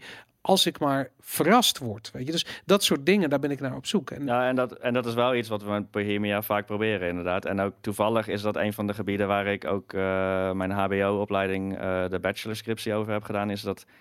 Uh, dat was een, een multiplayer modus in Arma, waarbij alles real-time wordt gegenereerd. Niet de omgeving en de wapens en dat soort dingen, maar de Mm. gameplay. Ja. Dus inderdaad kan je als developer, weet je eigenlijk niet meer wat er gaat gebeuren. En het, kan, het wordt door allerlei variabelen wordt het aangestuurd. Uh, ja. Is, is, dat hetzelfde als procedural ja, dat generated? komt in dat uh, domein, zeg ja, maar. Dus ja. Je, je bouwt eigenlijk van tevoren een heleboel voorwaarden. Ja. En uit die voorwaarden kiest uh, de engine uh, een, een, bepaalde verzameling. En dat is de situatie waar ja. je mee geconfronteerd En het hele vette daaraan is dat zelfs als ontwikkelaar word je verrast. Dus, ja. En dat vond ik altijd het hele coole. Dat ik, ik wilde haast gewoon niet eens weten wat er achter de schermen gebeurt. Ja. Omdat je dan als je speelt, word je gewoon zelf door je eigen game verrast. En dan is dat, dat is die magie van de game development. Ja. Terwijl als je inderdaad alles gescript is linear, dan ja. is er gewoon... Ja, ja ik, ik ben zelf heel erg uh, um, uh, ontnuchterd door uh, No Man's Sky. Uh, omdat um, uh, Sean, uh, ik ben even zijn naam Sean White of nee? Nee, nee, nee Sean, Sean, nog wat, Sean James, Sean Jones. Ik, Ja. Het is een schande dat ik even zijn naam kwijt ben. maar- Hello Games. Van Hello Games, die, die gaf een presentatie en daarin legde hij uit wat procedural generated game werelden voor die game betekenen.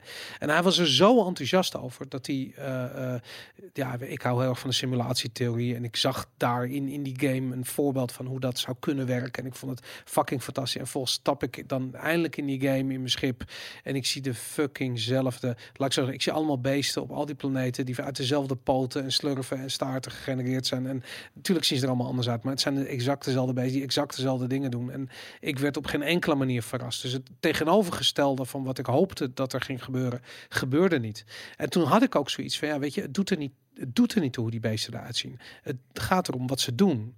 En als, nou, als ze nou die behaviors, als ze dat procedural gegenereerd hadden, misschien dat het dan iets anders had gedaan. Maar Ja. Maar dat is ook, dat is eigenlijk, dat is gewoon lullig haast voor No Man's Sky, want die werd een soort slachtoffer van zijn eigen hype en succes. Want als je er echt naar, nog steeds naar kijkt wat zij hebben gepresteerd met zo'n Ja. klein team, is het echt mindblowing. Sean Murray, sorry, sorry. Sean Murray. Ja, En nog steeds, je kan nog steeds die game spelen en ergens komen waar geen enkel ander mens ooit is geweest in de hele wereld, zeg maar. ja, En hij heeft dan de verwachtingen niet waargemaakt. Maar het, het is wel, dat is echt de proceduralism. Terwijl wat wij deden was, is meer één klein onderdeel. ja. En je ziet dat ook, dat is in de Mass Effect serie, heb ik dat toen een keer gevolgd. Die zijn, eerst hebben ze met Mass Effect 1 geprobeerd heel erg dynamisch en niet procedural, maar eh, bijvoorbeeld, weet je nog dat je die planeten kon verkennen met die eh, Mako? Ja, ja. En dat was op zich heel boring. Uh-huh. Maar het was veel opener dan Mass Effect 2 en 3 ja. omdat zij toen juist hebben gekozen, ze wilden toch die verhaalvertelling en iets meer controle. En toen zijn ze die kant op gegaan, zeg maar. Terwijl eigenlijk ook weer jammer is dat als ze meer dat dynamische hadden.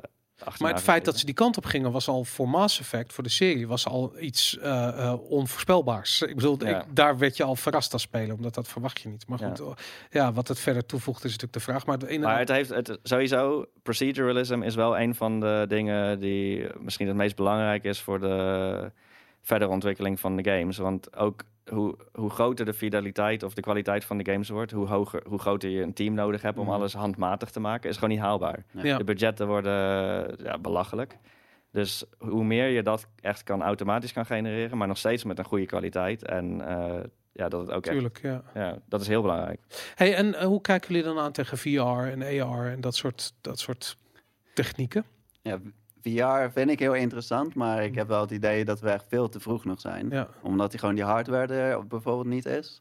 En ik denk tot het moment dat ik op zijn meest een klein brilletje op heb, waar ik ook nog een door normaal doorheen kan kijken, maar die me ook kan afsluiten. Tot dat moment gaat het nooit echt mainstream worden, denk ik. Dat is AR of eh, Ja, combinatie, ja, ik van eh, hybrid, eh, ik weet Ja. ja. ja. Dus, maar anders zou het wel, even voor, natuurlijk voor professionele doeleinden en het trainen en de simulatie, daar is het natuurlijk al wel nuttig. Maar ik denk voor, om het echt mainstream te maken, daar moet het heen. En eh, ja, daar zijn we echt jaren van vandaan. Ja, en ik hoop maar dat die hele sector dat overleeft. Want nu, ze moeten er even doorheen komen totdat je echt die eh, tetherless eh, hardware bijvoorbeeld eh, krijgt. Ik, ik, Ja. heb, ik maak me grote zorgen. Ik Ja. denk namelijk dat PlayStation, eh, PSVR, eh, ik denk wel dat ze PSVR 2 zelfs op deze E3 gaan aankondigen. Oké. Uh, maar om heel eerlijk te zijn, één was niet een succes. Ik kan me niet voorstellen dat ze winst op hebben gemaakt. Nou, ik, eh, volgens mij hoorde ik juist dat het van, van alle VR-sets was dat toch Ja. wel een van de Ja, iets dat beter. is het. Van alle zinkende Ja, schepen is ja. deze nog Ja. het minst gezonken. Ja, Ja. ik weet niet. Maar in, in ieder geval die, die eh, Oculus, eh, volgens mij heeft die het meeste verkocht uiteindelijk. Eh, maar Ja. is ook niet de winstgevend Het project geweest. enige is, of we het leuk vinden of niet, het is Oculus is, is van Facebook. En die hebben in, in principe natuurlijk oneindig ja, Ja, geld. dat denk je. Totdat, totdat daar aandeelhouders een keertje zoiets hebben van... maar waarom moet er ook weer 20 miljard naar Ja, deze onzin nog toe? En dan, is het gewoon dood. Ja, en Apple die zet natuurlijk op AR vooral in. eh, Ja, dat, Wat- dat, dat mag je hopen. Laat ik zo zeggen, wat, wat je nu ziet is dat de grote eh, Silicon Valley VC's inzetten op mixed reality. En Hmm. je hebt dan inderdaad dat, eh, ik ben even de naam kwijt van het bedrijf, Magic Leap heet het. In, Ja. het zit in Florida volgens mij ergens. Die doen heel veel. Er is nog zo'n start-up waar ook honderden miljoenen al in geïnvesteerd is. Omdat iedereen verwacht van ja, er is natuurlijk echt wel wat, wat tofs te halen uit die ervaring. Het is alleen ja, niet, niet zoals het nu gaat. Maar vorig jaar was ik op de, op de E3. En dan, ja, we, hadden ook een paar computers op de beurs staan. En naast ons stond een eh, andere game. En toen heb ik eigenlijk voor de eerste keer de VR-ervaring gehad dat ik dacht, oké, dit is wel echt de toekomst. wat was dat? En dat, volgens mij heette die game heette Echo Arena. Ja. En dat is een soort van, eh, ja, een futuristische sportsgame. Waarin je rondvliegt in een arena en je moet een disc naar elkaar eh, eh, overgooien en uiteindelijk in een doel gooien. En ja, ik zat helemaal in die wereld. En maar één ding wat heel bizar was, was dat in die game was ik heel actief bezig en ik vloog eh, elke kant op. Maar ik stond gewoon stil. Maar om een of andere reden, ehm, ja, ik denk dat mijn brein iets anders registreerde. Ik begon enorm te zweten. Omdat ik, denk met mijn ogen waarnam dat ik heel erg actief bezig was. Maar ik stond eigenlijk Werd je niet heel misselijk ook dan? Viel mee. Viel, viel mee. Maar die zijn niet heel lang lopen kotsen. heel even alleen maar lunch en ontbijt. had, Verder je niet. wel van die standaard demo's toch, van, gewoon van die rollercoasters. Ik weet wel Ja. dat ik die een keer op had op het kantoor en echt binnen 20 seconden dat ding er van mijn hoofd af Ja. eh, wierp, want eh, dat ging niet goed. Nou, ik, ik, Ja. ik, word, ik ben een van die 3,5% die dus niet tegen kan. En ik, ik, ik word direct echt kotsmisselijk de rest van de dag totdat ik ga slapen. En als ik wakker word is pas weer weg. Hmm. Uh, maar ik realiseer me ook echt dat het, dat, ja, de, het verschil tussen het, het, de, de, de beweging die je ervaart en, de, en wat je lichaam maakt, als dat niet hetzelfde is, Ja. dan eh, dat, dat is per definitie een probleem. En hoe ga je dat nou ooit ever voor elkaar krijgen? Weet dat je? is Dat, de vraag. dat, dat, ik bedoel, dat is bijna een filosofisch probleem. Dat ik kun je weet ook niet met of dat gewenning is. Bijvoorbeeld één, wat ik nu te binnen schiet, is er is een experiment geweest waar ze mensen een bril gaven. Ja. Die alles op de kop eh, liet zien aan jou. Dus die, dat was een soort van spiegel Oh, zat erin. Dus de eerste drie maanden lag iedereen te kotsen en had het hoofdpijn. Ja. Of eh, drie, drie dagen volgens mij. En na die drie dagen gebeurde er iets in de hersenen. En voor de hersenen werd dat beeld weer omgedraaid dat het weer normaal was. Zo, Dus dat ik kan vraag gewoon. me af of, eh, of misschien met VR ook dat er een, op een moment een gewenning in je hersenen Ja, op een Door- gegeven moment gaan we gewoon de holodeck en de Matrix in natuurlijk. Maar dat, Dus, eh, kijk, dat is uiteindelijk natuurlijk het doel. Maar het, het tof aan holodeck is, is dat je dus niet met een bril op zit, maar je zit in een omgeving die simuleert. Ja. En dat is denk ik toch van, ja, dat is meer mixed reality. Is dat, holodeck is dat hetzelfde als HoloLens? Of is eh, het... Nee, holodeck is Star Trek. Dat is. Oh, nou eh, voor Star ja, Trek, ja? Ja, Star Trek nerds. Ja, nee, Star, dat, ik bedoel, dat is, dat, dat is de, het, het walhalla voor elke gamer. Ja, weet je, dat, je wil dat je daarin gaat staan en dan zeg je activate eh, Arma 8 en dan woesh en je bent opeens in een soort van eh, op een heuvel sta je Oké. en de wind briesjes en Ja. je hoort ergens Arabisch geschreeuw in de verte en een Is dat, moskee. ehm er was dan in Black Mirror, de laatste seizoen, was er ook een aflevering over zoiets? Is dat, is dat het concept? Dat je...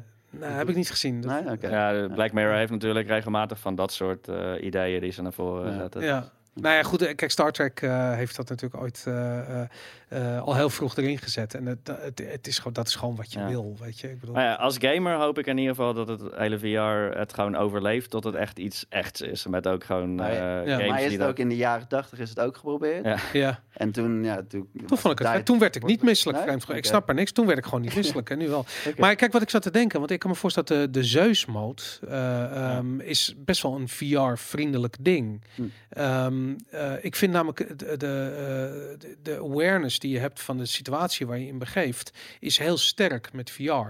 En wat gewoon niet werkt is rondrennen en knallen. Dat is gewoon misselijk. En eh, autorijden gaat ook niet zo goed. En nou goed, het wordt lastiger en lastiger. Vliegen kan eventueel. Maar als jij gewoon doodstil hangt boven een, een, een, een actiegebied waar en je kunt gewoon Ja.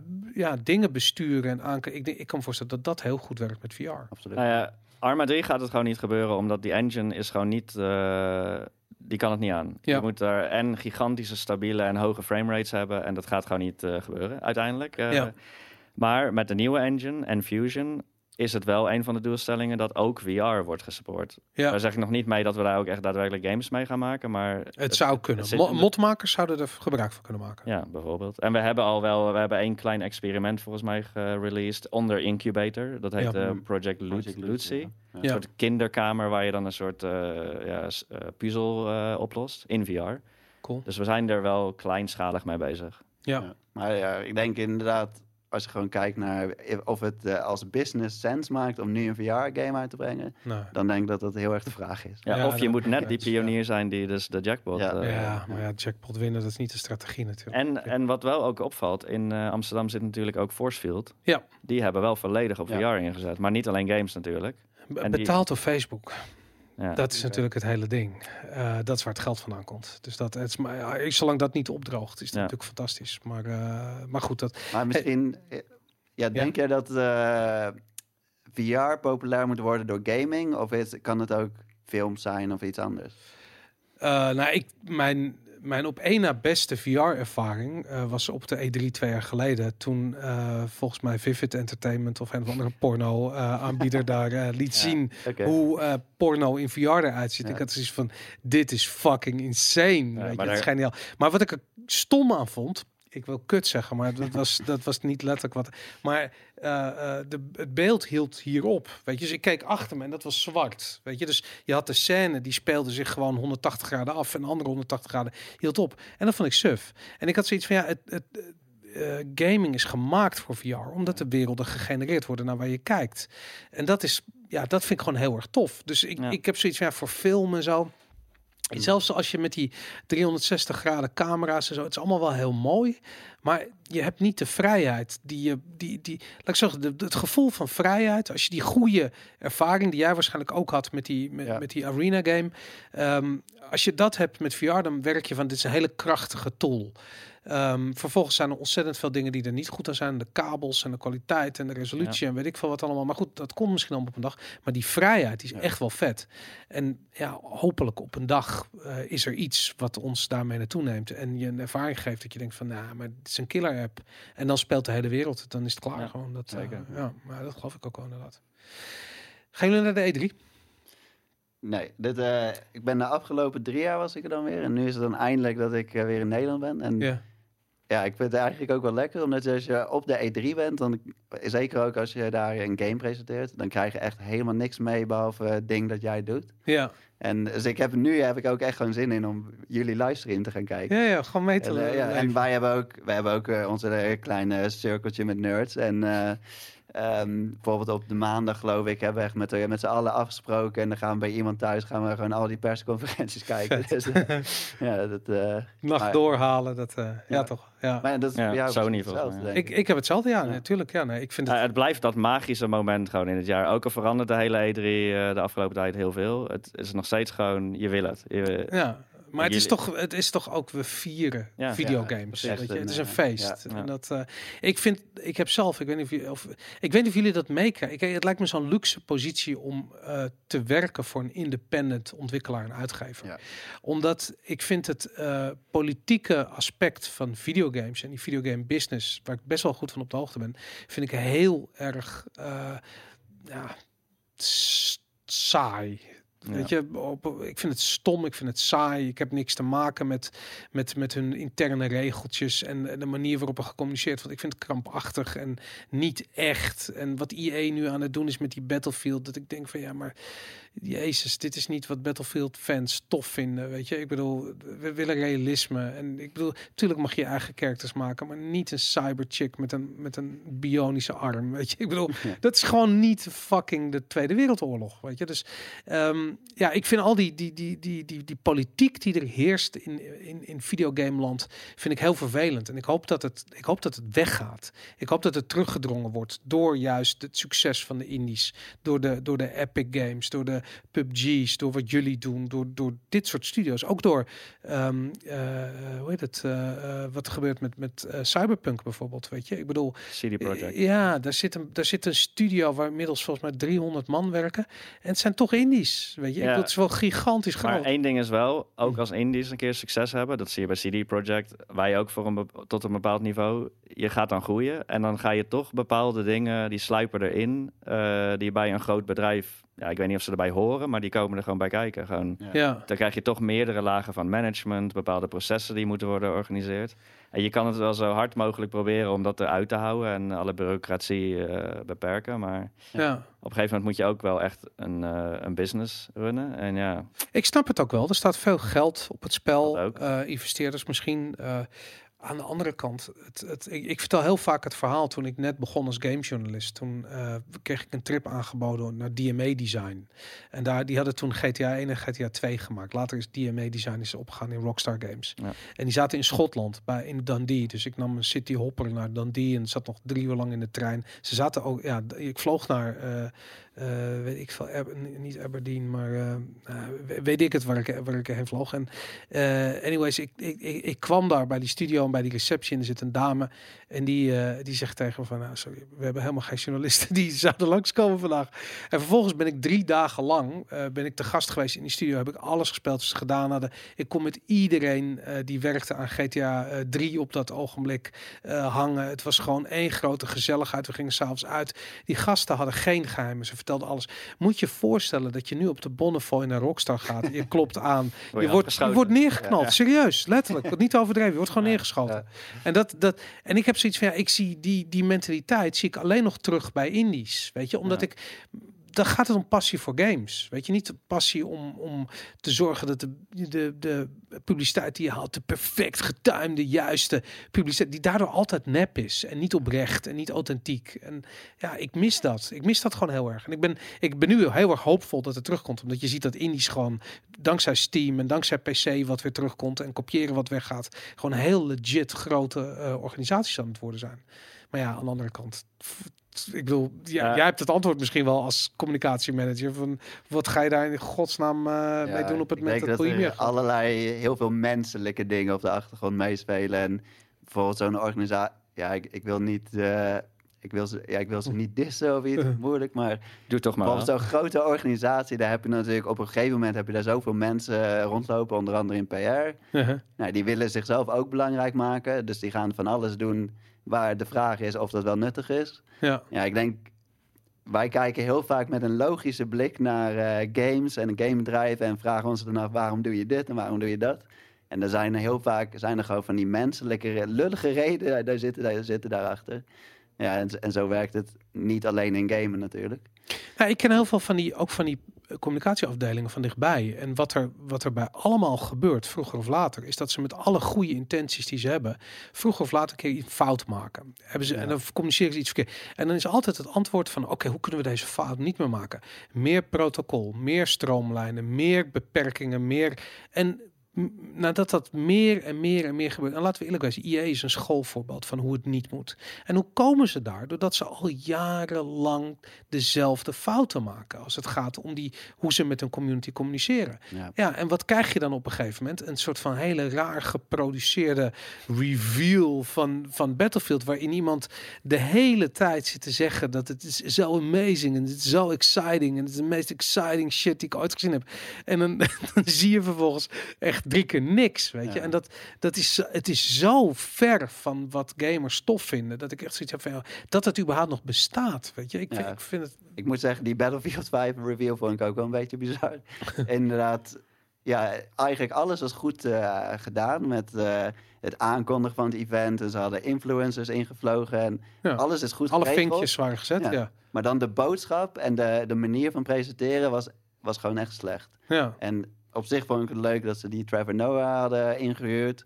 Ehm, maar dan had hij ook wel de credibility moeten hebben van een echte gamer. En dat, daar ga je heel snel aan twijfelen als hij dan een verhaal vertelt dat hij altijd elke avond Battlefield speelt. Maar vervolgens in de andere comments eh, komt het eh, naar voren dat het... eh, is duidelijk niet zo. Ja, Ja, maar dat, is- dat is toch voor. Stel je voor dat, je, dat jullie voor een reveal een, een, een, een, weet ik veel, een of andere bekend figuur inhuren. ja, Dan zeg je toch tegen hem: je hoeft niet te doen alsof je een expert bent, want niemand gelooft het. Weet je, en die Trevor Noah die gaat gewoon zeggen dat het, die gaat inhoudelijk oordelen. Die gaat zeggen: het is exciting. Weet je, het is de meest exciting shit ooit. Sorry, maar dat weet ik zelf echt wel beter dan meneer Trevor Noah. Ja. Weet je, en dat zie je het moment dat hij iets zegt over Battlefield, weet je dat gewoon. Dus ik heb, hoe, hoe, hoe, hoe kijk jij aan tegen de, hoe je met de community communiceert? Ehm, ja, ik denk dat je een heel groot gedeelte gewoon uiteindelijk wint door eerlijk te zijn. Mhm. Maar daarbij hoef je niet altijd alles te vertellen. Want soms eh, is dat gewoon, kan dat niet, omdat je bedrijven en bepaalde dingen kan je niet naar buiten brengen. Mhm.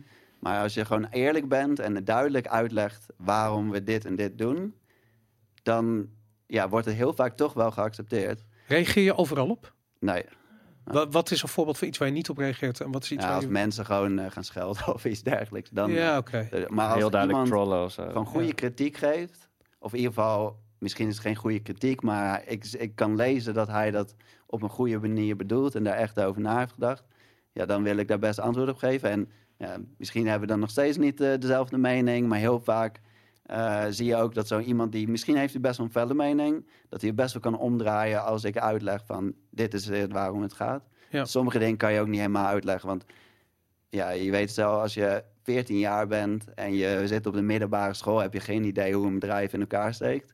En ik kan jou niet meteen heel snel uitleggen waarom dit en dit gebeurt. Dat moet je zelf ervaren eigenlijk. Ja. Ehm, ja.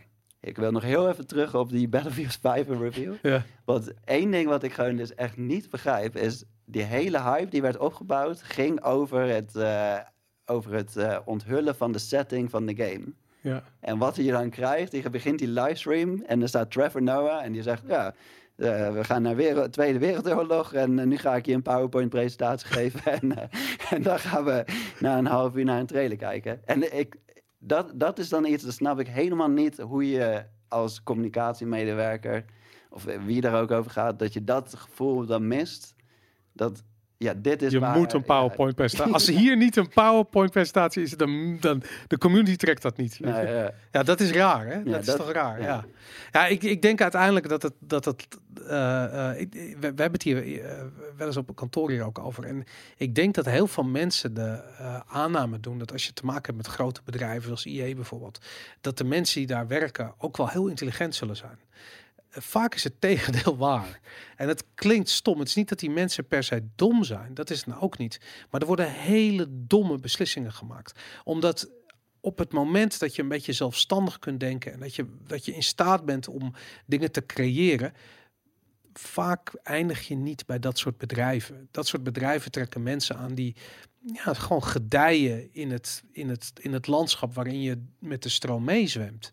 En Maar ja, tegelijkertijd heb je natuurlijk ook wel grote eh, groepen binnen die bedrijven die denk ik gewoon hele relaxed, hele slimme gamers Ja. zijn. Bijvoorbeeld, bijvoorbeeld hoe, want DICE die dan achter Battlefield zit, ik, kan, ik geloof nog steeds gewoon wel dat dat een hele vette studio is eh, met heel veel gamers. Ook, eh, ook is dat helemaal... ben je er wel eens geweest? Ken je mensen Nee, van DICE? eh, nee, volgens mij niet direct. Ik ben er eh, een tijdje terug ben ik er geweest. En wat me opviel, en dat van, maar ik ben echt een heel groot DICE fan. En wat me opviel is de, de arrogantie die er bij het bedrijf heerst. Ehm, en ik weet dat arrogantie eh, is altijd een voorbode voor iets, voor een groter probleem wat er heerst. Vaak is het het overschreeuwen van een probleem. En het, wat het probleem is, dat hebben we vervolgens gezien met Star Wars Battlefront 2. Ehm, en ik denk ook dat als je kijkt naar de gesprekken die wij hadden met ontwikkelaars daar, ehm, daar werd me duidelijk dat ze zich niet bewust zijn van de community. En dat betekent dat er een hele grote afstand zit tussen de developers en de community. En ik vind dat raar. Voor DICE begrippen vind ik dat raar. Ja. Ik snap dat ze afgeschermd worden. Eh, en ik snap ook dat als jij eh, vier, vijf jaar lang aan een game werkt en vervolgens eh, kotst het internet over je heen, dat je, gewoon, dat je het gewoon wegklikt, dat je geen zin hebt om dat te zien. Ja. Ehm, maar het probleem is dat die ontwikkelaars te ver staan van de community. En je, je zag het, wij, wij deden op een gegeven moment deden we een interview en het ging over, eh, de, de game was nog niet uit, Star Wars Battlefront 2. En eh, een van die ontwikkelaars die was aan het vertellen, eh, en het ging over lootboxes. De vraag werd gesteld terwijl nog niet duidelijk was hoe erg het was toen al in, in Battlefront 2. En ehm, hij zei van ja, maar die game moet toch ergens van betaald worden. En ik heb echt zoiets van, snap je dan echt niet dat mensen 69 euro betalen? Weet je, dat je een freemium model op een premium game aan het plakken bent? Dat dat ergens niet gaat werken? Uh, maar hun hele redenatie is van die 69 euro, tuurlijk, daar maken we de game van. Maar dan moet hij gesupport worden, dan moet hij gehost worden. En Disney wil ook zijn geld hebben en dit en dat. Dus die game moet ergens van betaald worden. Dat is een zakelijk probleem waar developers mee worden opgezadeld. Dat is insane. Dat is fucking insane. Ja. En dat daar niemand zit en die zo- zoiets heeft van... hé hey jongens, wacht eens eventjes. eh, wie ziet de directeur? Luister, dit is niet ons probleem. Los het lekker zelf op. Klik, tuut, tuut, tuut. Dat dat niet gebeurt, dat zegt wat over de... eh, eh, ik wil niet zeggen intelligentie, maar over de, eh, de, de eigen, het eigen behoud van, van de development community binnen DICE. En ik denk dat daar in het bedrijf... eh, ja, op, niet zakelijk gezien, maar creatief gezien op de rand van de afgrond staat. En dan, ik hoop inderdaad met jou dat dan die indie-stroming en ook de successen die openheid weer terugbrengen. Maar ik ben ook wel aan de andere kant een beetje bang dat nu gaming steeds groter wordt en meer mainstream ook. Dan, krijg, dan komt ook het grote geld daarbij eh, kijken. En ook dan komen de grote media en eh, weet ik wat allemaal. En dan krijg je juist weer meer van dat soort problemen misschien wel. Ja, als die team, maar, maar neem Bohemia. Neem jullie bedrijf. Weet je, jullie hebben een studio in Amsterdam. Je zei net, er Ja. werken negen, negen mensen in totaal. Ja, en we zijn nu eh, aan het uitbreiden net een klein beetje dan. Oké, maar stel je voor dat daar op een gegeven moment 200 man eh werkte of werken. Het gaat erom wat voor mensen dat zijn. Weet je, dat daar een investeerder komt en die zegt van hier is een gigantische zak geld en ik wil twee van AAA games, bladibladibla, allemaal targets, targets, targets. Ehm, de mensen die je op dat ogenblik eh, moet aannemen, dat is niet meer de organische groei die jullie waarschijnlijk gewend zijn. Dus het zijn geen mensen met wie je echt een intrinsieke klik hebt, waarvan je weet van, maar dit zijn mensen met wie ik kan lezen en schrijven, die snappen mijn ideeën, die kunnen het uitvoeren, die kunnen er aan toevoegen, die kunnen erop bouwen. Nee, je hebt gewoon 200 man nodig en liever gisteren dan morgen.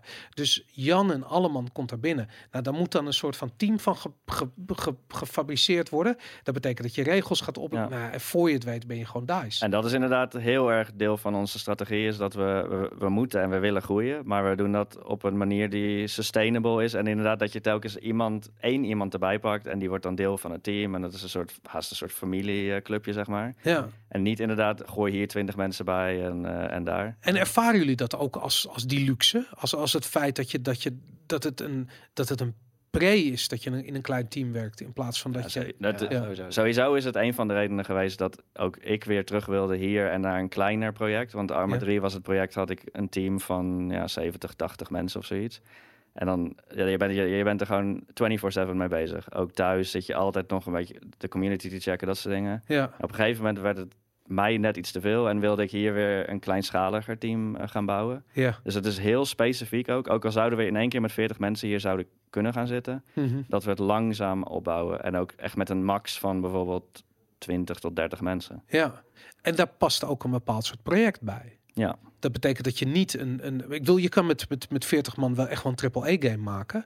Alleen je moet het op een andere manier doen Ja, dan wat eh Rockstar aan het daarom was ons eerste project was dus een DLC, eh, want dat kan. Ja, Eh, nu zijn we dan net iets groter bezig, maar nog steeds ja, kleinschalig op zich. En Ja. we werken natuurlijk ook samen met de teams in, in Tsjechië, Slowakije en inmiddels zelfs in Thailand hebben we een art Joh. studio, ja. waar in Thailand? Eh, Pattaya. Ja. Niet. Ja. een soort van. Wacht even. Amsterdam, Praag, Logisch. Pattaya. ja, Er, ik zie een thema. je Dit, moet toch ergens zijn. er is iemand die heel erg van vrouwen houdt. Ja. Meestal. Maar ik moet zeggen, ja, wij, zeker de afgelopen jaren zijn we ook heel erg gegroeid en we groeien nog steeds. Ja. En ook wij eh, hebben daar best wel moeite mee om bijvoorbeeld gewoon die, die identiteit te behouden. Als je gewoon zoveel nieuwe mensen erbij hebt, Ja. Ehm, ja, dat is best, dat is gewoon lastig. Ja. Ja. Daar zijn we ook eh, ja, mee aan het struggelen, zeg maar. Uh-huh. Eh, ja, ik denk vooralsnog houden we het wel vast. Wa- maar waar, waar zit die struggle dan in? Je moet heel veel nieuwe mensen, wat je voorheen eigenlijk zo met een klein clubje mensen deed, die allemaal een dezelfde filosofie aanhielden. Eh dat moet je nu met een veel grotere groep me- mensen doen, en die ook hun eigen meer in specialismes werken.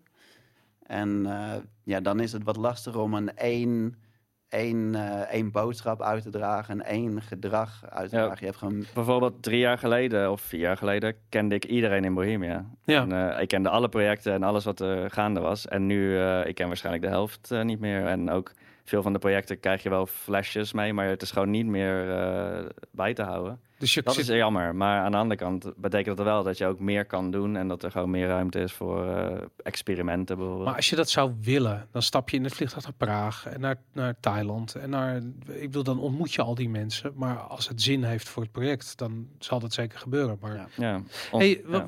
want ik ben heel erg benieuwd. Je zei, je zei net iets, dat vind ik heel interessant. Je zei dat eh, eh, eh, mensen meer specialismes hebben. Ja. Terwijl ik heb juist het idee dat eh, gameontwikkelaars vandaag de dag, in ieder geval de generaties die ik dan, wat ik een beetje meekrijg, die hier van school komen. Generalist. Ja, juist, en juist heel erg denken in de tools die voorhanden zijn. Dus eh, eh, als, ik, als ze iets moeten doen, dan is de eerste vraag, kan het in Unity, is er een plugin? Bij wijze van, hoe, hoe ervaren jullie dat? Ik denk dat Bohemians nog steeds wel echt. de, je hebt wel steeds meer specialisten, maar we proberen wel echt developers te hebben die, als er iets nodig is buiten hun discipline, dan pakken ze dat ook op. En helemaal in ons team in Amsterdam is er eigenlijk niemand die niet gewoon eh, even kan bijschakelen bij eh, het een of het Ja. ander. Dus ja, we zijn nu bezig, dat, dan moet er een eh, specificatie komen van een nieuw, laten we zeggen, voertuig. Ja, En normaal gesproken gebeurt dat door een designer. Eh, nu is daar gewoon even geen tijd voor. Dan, dan gaat er gewoon een artist gaat onderzoek doen. En die gaat al. eh, ja, dat, dat gaat heel organisch. En dat is het voordeel van een klein team. Uh-huh. Met gewoon geen gelaagde hiërarchie. Eh, en, en in één ruimte. Dus Ja. we kunnen alles real-time snel overleggen. Eh, Dus dat is ook wel, ook al zijn we nu een groter bedrijf, eh, is het ook een beetje het idee dat we ja, meerdere projecten hebben met kleinere teams. Om eigenlijk ook een beetje dat probleem te voorkomen. Ja, En, eh, En ook, en ook belangrijk dat we proberen dat managers, eh, nou bijvoorbeeld ik ook, dat het niet puur managers, managers zijn, maar ook echt een dev role hebben. ja. Dus ik, ik zou het zelf ook niet eens overleven als ik niet ook mee kan werken aan de daadwerkelijke ontwikkeling. ja. En dan, ik denk dat het ook wel helpt dat je ook dat elke laag eigenlijk in het bedrijf ook nog gewoon een developer en een gamer is. Ja, sick. Ja, ik vind dat, ik vind dat echt een luxe, weet je. Dat, dat, Ja, ja, en ja dat, dat besef ik ook, ook steeds meer dat eh, Marek, dus de CEO, wat die eigenlijk door zijn strategie over de afgelopen 15 jaar heeft eh, ja, opgezet, ja. die luxe, dat is insane. ja, Want je ziet nu ook, eh, afgelopen tijd is eh, die studio van Cliff Basinski dus plat gegaan. ja, Ja, daar, daar zie je ook aan hoe moeilijk het is Met om een bedrijf... Ja, en maar die is, naar, die is naar Epic dus inderdaad. ja. Maar dan zie je hoe moeilijk het is, zelfs met zo'n naam en ja, redelijk wat ondersteuning financieel neem ik aan, om, om gewoon een studio draaiend te houden. Ik En, weet het niet of daar nou... Er zat vast een investeerder in, maar ik denk Ja. dat er ook Ja, Cliffy B daar zelf heel veel geld in Ja, heeft gestoken. Ja. ja. Ja. Dat, eh, ja, dat is, ik denk dat daar best wel een groot drama achter schuilt. Dan oh ja, wat vast. dus, eh, maar dat, gebeurd is. ja. Dat maar een van de dingen die, wat ik heel erg waardeer aan Bohemia en waarom ik denk dat we ook succes hebben, is omdat wij, als we een game maken, een project beginnen, dan is dat omdat wij dat zelf interessant vonden. Ja. Daar- daar zijn we niet nog meteen bezig met, oké, dit gaat heel veel geld opleveren en dit past goed in de markt of iets dergelijks. Ja, Dus we beginnen vanuit passie. En dan, ja, dan eh, vormen we het alsnog misschien om om het goed eh, aan te laten sluiten bij de markt. Bijvoorbeeld die game Islands, die eh, dus iets meer creatieve, kleurrijke game. Dat is echt een soort passieproject geweest van Marek, van de CEO. Juist ook omdat je nu die generatie krijgt van de developers en gamers die dus kinderen gaan krijgen en Ja. gezinnen. En hij, had, hij was zelf denk ik ook een beetje klaar met het militaire en het eh, oorlog en alles geweld. En ja, daaruit komt dan zo'n game eh, rollen. En hij start dat dan en nu is dat inmiddels een groot project. eh. oh ja, ik, ik ken het niet eigenlijk. Is het Nee, een shooter of is het een... eh, Nee, ja, je, om het heel simpel te zeggen is het een Minecraft-achtige game. Oké, maar toch net, nou, ook een survival-achtig element. Ja, En het is nog steeds in de beginnende fase. Nu is dus die eh, Chinese... eh, ja, Ja, eh, Tencent. ja, Tencent is ermee bezig. Dus het kan zijn dat het veel groter nog wordt. en ontwikkelen jullie dat in Amsterdam? Nee. Oké, dat is anders. eh, Dat, eh, ja. mijn zoon is een van de grootste Minecraft-fans op aarde ongeveer. Dus dat alles wat. Minecraft is, dat, Ja. dat, dat is heilig. Dus ik ben heel, ik, zal, ik zal het doorgeven. Ja, Ja, ja. Geniaal, ja. Lachen man. Hey, en wa- wat, ehm, eh, wa- wat, wat zijn eh, eh, titels waar jullie zelf naar uitkijken? Ja, de, de, de, de gemakkelijkste is natuurlijk Red Dead. Oh ja? Ja, ik vind ja. Ja, want, want je zei net al dat je Mass Effect speelde. Eh, ik, kan me ook voorstellen, sp- spelen jullie andere shooters bijvoorbeeld? Ik bedoel, Ik, ja, ik probeer zoveel mogelijk juist te spelen. Om eh, gewoon een beetje te... Ja, en ook gewoon omdat ik het leuk vind. Ik bedoel, Ja. we, we kunnen heel makkelijk zeggen dat eh, Call of Duty is heel anders dan Arma. Maar ik speel gewoon wel Call of Duty. oh ja? Dus kan je dat nou doen? ja oké. Misschien de laatste tijd niet zozeer meer, maar... Nee, je hoeft je hoeft niet te verontschuldigen. Bijvoorbeeld, wat ik heel veel heb gespeeld, bijna tot het verslavende toe, is Rocket League. Dat is Oké, gewoon- omdat ja. het gewoon lekker na het werken op de bank, eh half uurtje. Dat is een eh, zo. Dat is gewoon crack cocaine eigenlijk. Maar Red Dead is dus, eh, ja, dat, Is, dat, dat is die blockbuster Ja. toestand. En dat is ook- eh, Zelfs misschien het thema van de, van de cowboys en zo. Dat Met Westworld en zo een- natuurlijk. dat- ja, maar dat is niet eens per se waar ik heel geïnteresseerd in ben. Maar je weet met Rockstar, die gaan grenzen verleggen met die game. ja. En bijvoorbeeld GTA 5, dat is volgens mij ook vijf jaar oud. Maar dat is nog steeds, denk ik, de beste eh, sandbox game eh, als het ware. ja. Ja, ik- we hadden het eh, net hiervoor al even, dat ik ben momenteel Watch Dogs 2 aan het, aan het spelen. en ja, die game is veel later uitgekomen dan GTA. Maar het, het is een wereld van verschil in kwaliteit. ja. Waar zit hem dat in? Ik denk, Rockstar is ook wel een unieke situatie waar zij echt gewoon... Zij hoeven vrij weinig compromissen te sluiten over development van eh, we moeten deze features schrappen of niet. Zij Ja. kunnen dat gewoon doen omdat ze weten dat ze zo gigantisch gaan verkopen. Ja, Dus die game, ik weet ook sowieso zeker, Red Dead Redemption is meerdere keren uitgesteld intern. Ja Maar zeker. dat maakt hun er helemaal niks uit. Want ze weten gewoon, dat er komt zoveel geld. eh, Maar als je kijkt, hè, want ik vind het, het gegeven hoe die, hoe die sandbox gebouwd is, hoe zo'n open wereld opgebouwd is. En als je kijkt, ik, ik, ik ben heel erg voorstander van de theorie dat vrijheid een illusie is. Hmm. En zeker in games. En eh, eh, Rockstar is heel goed in spelen met die illusie van vrijheid. Door je de hele tijd op het moment dat je gaat twijfelen of het zinvol is wat je aan het doen bent, je iets te geven. Gewoon even te prikken. Van hey, kijk even hier. En dan zeg je, "Eh, wat? En dan kijk je achter je en dan gebeurt daar iets wat je wat zo random voelt dat je denkt van wow, deze vrijheid is zo rijk, alles kan gebeuren. Precies wat No Man's Sky niet deed. Die gaf je een vrijheid die eh, eh, leeg was, plat, eendimensionaal, waar niks gebeurde. eh, dus zinloos was. En dus echt werd je geconfronteerd met de, met de illusie, met de nepheid van de illusie.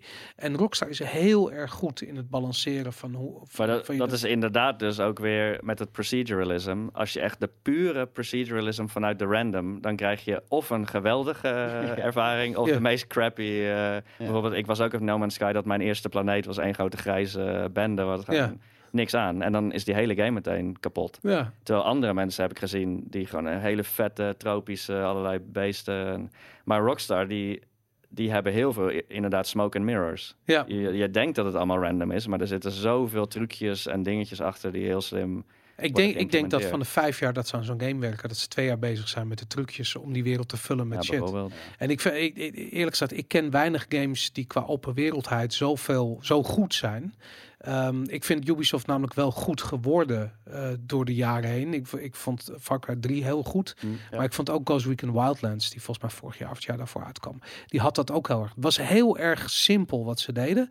Maar het werkte voor mij als liefhebber van dat soort actie heel goed. Uh, en dat, nog iets wat heel belangrijk is, eh, bedenk ik me net, ook, ook bij onze games, maar ook bijvoorbeeld bij The Legend of Zelda en bij eh, eh, Ghost Recon, alles. Alle simulatie is heel belangrijk. Als je eenmaal simulatie eh, in je open wereld game hebt zitten, dan krijg je automatisch al van die emergent Ja. omstandigheden en randomness. En Geef eens een voorbeeld van simulatie dan. eh, nou, bij Arma is dus dat elke kogel die uit het eh, wapen komt, is niet een soort magische berekening van deze pixel op mijn scherm is de cursor, dus daar gaat de kogel, maar echt daadwerkelijk met physics en natuurkunde iets wat door de ruimte heen vliegt en ja, door allerlei factoren wordt beïnvloed. Ja.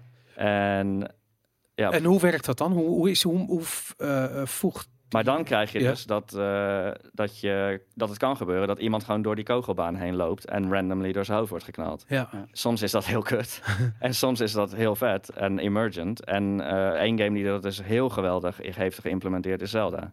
Oké. Die, die simuleren allerlei dingen als eh, bliksem en vuur en regen en water. Dat zit overal doorheen. Ja. En dat betekent dat alle acties die jij als speler verwachtte dat ze moeten werken, werken. Ja. Dus jij, als jij eh, eh, een enemy ziet met een metalen schild, dan weet je dat je die naar een bliksemschicht kan lokken en dat die dan de Sjaak is. Terwijl Sick, ja. dat hoeft door developers is dat niet elke actie wordt worden lineair worden opgezet. Het is simulatie. ja. En dat is Ja, ja, je heel kan heel creatief Ja. zijn als speler daardoor. En, en waar zie je dat nog meer in? Wat zijn meer... Want ik, oké, kogelbanen, dat snap ik. Ik vind het zelf ook leuk. Zodra een kogel bullet drop heeft, Ja. vind ik het leuk om te spelen, om te proberen iets te raken wat heel ver ver weg is. Ja. Ik bedoel, Precies. kinderachtig, maar ik vind het leuk. Wat, wat zijn andere voorbeelden? Het weer, eh, hoe de tijd eh, verloopt. eh, ja, dat de speler misschien moe wordt van bepaalde handelingen. En soms, als het te ver gaat natuurlijk, dan, wordt het, dan is de fun weg. Ja. Dan wordt het of voor een bepaalde groep heel juist interessant, omdat het heel realistisch is. Maar voor de, voor de grootste deel van de spelers is het dan meteen tergend. Ja, Dus er is wel een balans. ja. Eh, ja, en echt de meesters van game design, bijvoorbeeld Nintendo in heel veel gevallen, die kunnen daar heel goed mee omgaan. Ja. ja, ik denk dat dat de truc is. Ik, ik heb altijd heb ik ook gewacht op het moment dat er iemand kwam die Flight Simulator eh, eh, toegankelijker maakte. Omdat het namelijk echt heel tof is. Maar Wat trouwens heel eh, aan te raden is, is een of andere iemand op YouTube die speelt, die gaat iedereen lopen trollen als een air traffic controller in Flight Sim. ja, En dat is echt Ja. de meest geweldige. ding. Die zit dus op een vliegveld gewoon in zijn hokje en die loopt iedereen eh, te zieken. En, eh, nou ja, ik weet niet hoe dat precies heet, maar dat moet je even eh, YouTuben. meester, ik ga het checken. Dat Ja. klinkt echt heel goed. Ik schenk nog even een glaasje water. Ja. Ik heb uh, droge keel gekregen. Hey, en ehm, eh, ehm, als we het dan heel eventjes hebben. Ik we gaan langzaam naar het einde toe. Maar ehm, wat verwachten jullie van de toekomst van gameplatformen? Dus we hebben natuurlijk een, een, een hoogtepunt gehad als het om PlayStation eh, gaat. PlayStation 4 was een groot succes.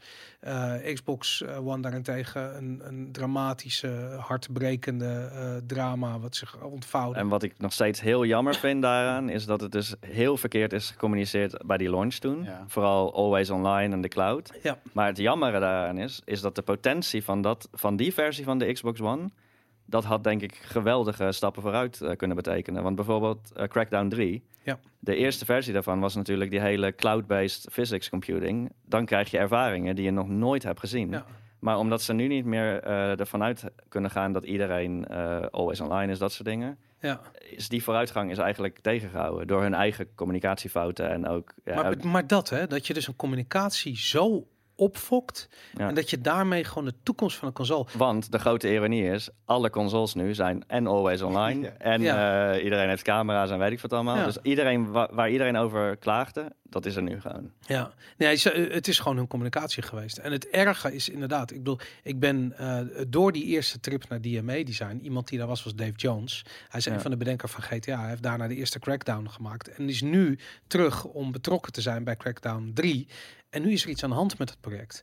En ik denk wat er aan de hand is, is dat het gewoon niet werkt zonder Always Online. En het is niet zo mooi. En mensen die erbij betrokken waren, willen er niet meer bij betrokken zijn. En het is gewoon een shitstorm geworden. Ja. En dat, eh, dat is echt doodzonde. Hey, en wat, wat, wat zien jullie nog meer gebeuren? De Switch bijvoorbeeld. Ehm, wat, Ja. wat, wat, wat Ja. gaan we armen op de Switch? Daisy eh, op de Switch? Nou, ik, wij hebben allebei een Switch. En Ja. dat is voor mij, eerlijk gezegd, de eerste Nintendo-console die ik heb. eh, ja, ooit. Ooit? Wow. Ja. En wat vind je Ik, ervan? of ik heb een Game Boy gehad, dat wel. Maar ehm, ja, voor mij voor, eh, vallen alle puzzelstukjes een beetje samen nu. Van de Wii en de Wii U. En nu, eh, de- dat hele apparaat, mm, ja, dat is gewoon, dat maakt, dat makes sense. Ja. En ik was best wel sceptisch toen ze het aankondigden. En ze hadden dat ja, filmpje met al die perfecte mensen die eh, op het eh, dak met de barbecue eh, aan die Switch. En het grappige was dat wij echt, ja, vorige zomer zaten wij bij de barbecue een Switch te spelen met vrienden. Dus op zich, ja, werkt dat. En ik denk inderdaad, ja, de, gewoon uiteindelijk gaat het om de games. Mhm. En ja, de Switch heeft hele sterke games. Maar denken jullie dat deze E3, wat we in het verleden met 3D en met virtual reality hebben gezien, dat er zo'n E3 gedomineerd wordt door één technisch onderwerp? Denken jullie dat dat dit jaar de Nee. Switch gaat zijn? Nee? Nee. Dat niet? Nee? Dit, ik denk dat dit toch meer wordt een E3 om games, lijkt me. Of, ja, ik, ik, ik heb het eerlijk gezegd, heb ik ook al die leaks en shit, daar heb ik allemaal niet gevolgd. Omdat ik wil nog steeds die magie hebben Ja. van de press conference en gewoon verrast worden. Gelijk heb je. ja. Eh, maar ja, we zitten natuurlijk ook redelijk meer. We zitten sowieso over de helft van een console generation. Dus alle developers krijgen steeds meer grip op de hardware. En wordt- de games worden vetter. Je krijgt dingen als God of War. Dus ja, ik hoop nog steeds gewoon op hele vette games. Ik weet niet of Ja. qua hardware. eh, jij, jij hebt nu een probleem bijvoorbeeld. Hij wil een PlayStation Pro, Pro kopen. ja. Maar die is de laatste twee maanden is die al overal ja, uitverkocht. dat weet ik inderdaad. Ja. Of misschien wel langer. En ja, dan de theorie raad is ik een een, beetje eh, dat, er, eh, dat er iets gaat gebeuren op E3. Dat, maar dat is, eh, sterker nog, dat, Dat is al gelekt. Oké, ja. Er komt- Er komt een nou, eh, slim, er dan komt een Pro Slim. ja. komt Ja, ja, ja, daarom. Logisch. Ja. Dus de, de, de, de PlayStation 4 Slim stopt, of de gewone, Ja. weet ik veel ding uit, dat stopt. De, de Pro wordt de standaard en die krijgt de Slim versie. En die komt vanaf Maar volgende week. Ik las ook ik. deze week toevallig een headline inderdaad. Ergens, een of andere analyst, die zei inderdaad... er komt nog één hardware generation. Ja, maar dat zeggen ze En- altijd. ja, er en het- nog één, one generation to rule them all. Ja, Ja, ja. je Ik weet denk het als niet. er iets spannends gaat gebeuren en dan ga ik echt speculeren. Maar dan moet het van Microsoft komen. En ik, Ja, dus, die moeten sowieso. ja. Ja, maar En- gaan ze dat doen? Want ze hebben geen, ze hebben geen studio's, ze hebben geen content. Ze hebben, ze het ene pla- hardwareplatform naar het andere brengen ze uit en ze supporten het niet. Er is, het is zo'n drama gewoon. Ja. Ik denk dat zij misschien de eerste gaan zijn die volledig op streamen gaan overstappen. Oké. Maar, en is puur speculeren. En Zouden jullie daar blij van worden? Als gamers? Of als ik denk, ontwikkelaars? ja, het de, hangt, gaat erom hoe het werkt uiteindelijk. Maar ik denk dat, net zoals eh, met Spotify en Netflix, dat het uiteindelijk wel de toekomst is. Want nu vinden heel veel mensen het leuk bijvoorbeeld om een eigen PC te bouwen. Ja. Maar het is, het is, het is wel een ongemak ook wel weer. Ehm, en dat kan dat wel wegnemen. En ik denk dat dat uiteindelijk, uiteindelijk dat gaat winnen van, eh, van de hobbyisten. Ja? Dat is ook wel iets, een heel ding natuurlijk. eh, PC versus console. En ook hoe je daar als developer in staat. Want wij zijn natuurlijk gewoon een PC-developer vooral. Ook al zijn we nu bezig met een nieuwe engine die multiplatform is en dergelijke. Uh-huh. En PC heeft hele geweldige voordelen. Ja. Eh, hoe flexibel je kan zijn, hoe snel je de hardware eh, kan blijven volgen en updaten en whatever.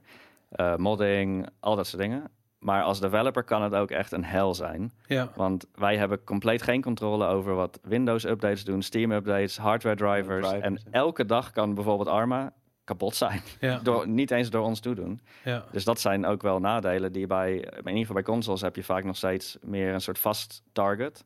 Hoewel dat ook nu steeds verandert met al die eh, Xbox One X, S, alles. Ja. Eh, ja. En wat ik ook, eh, daar las ik laatst iets over, dat eh, ja, mobile gamen, dat is toen een tijd heel groot geweest. En toen ging het eigenlijk een beetje dood. En nu met Fortnite, volgens mij, komt het weer terug. ja. En ik heb nog steeds het gevoel, ik kan daar niet mee uit de voeten met zo'n touchscreen. Maar toen was er iemand die trok de vergelijking met eh, dat we met de FPS, eh, met de shooters, gingen we van de PC met muis en keyboard naar de controller. GoldenEye. En, ja, Ja. en in het begin iedereen klaagde erover. En nu vinden mensen het lastig om weer terug te gaan naar muis en keyboard. ja. Dus misschien dat het hetzelfde zou kunnen zijn met die touch controls. Je kunt heel simpel een PlayStation controller eh, connecten via Bluetooth met je telefoon. ja, en ja. dan kun je daarop spelen. Ja, dan is het... Voor de rest is het gewoon ja, best wel krachtige hardware. Dus Maar ik denk dat de jongere generatie, die, die kunnen best goed uit de voeten met gewoon die touch controls. Nou, blijkbaar, want Ja. ze Ja. spelen Fortnite massaal. Ja. En, en vanaf drie, vier, vijf jaar oud, weet je. Dus dat, eh, sterker nog, ik zie eh, mijn kids eh, Minecraft spelen en dat doen ze dan op tablets.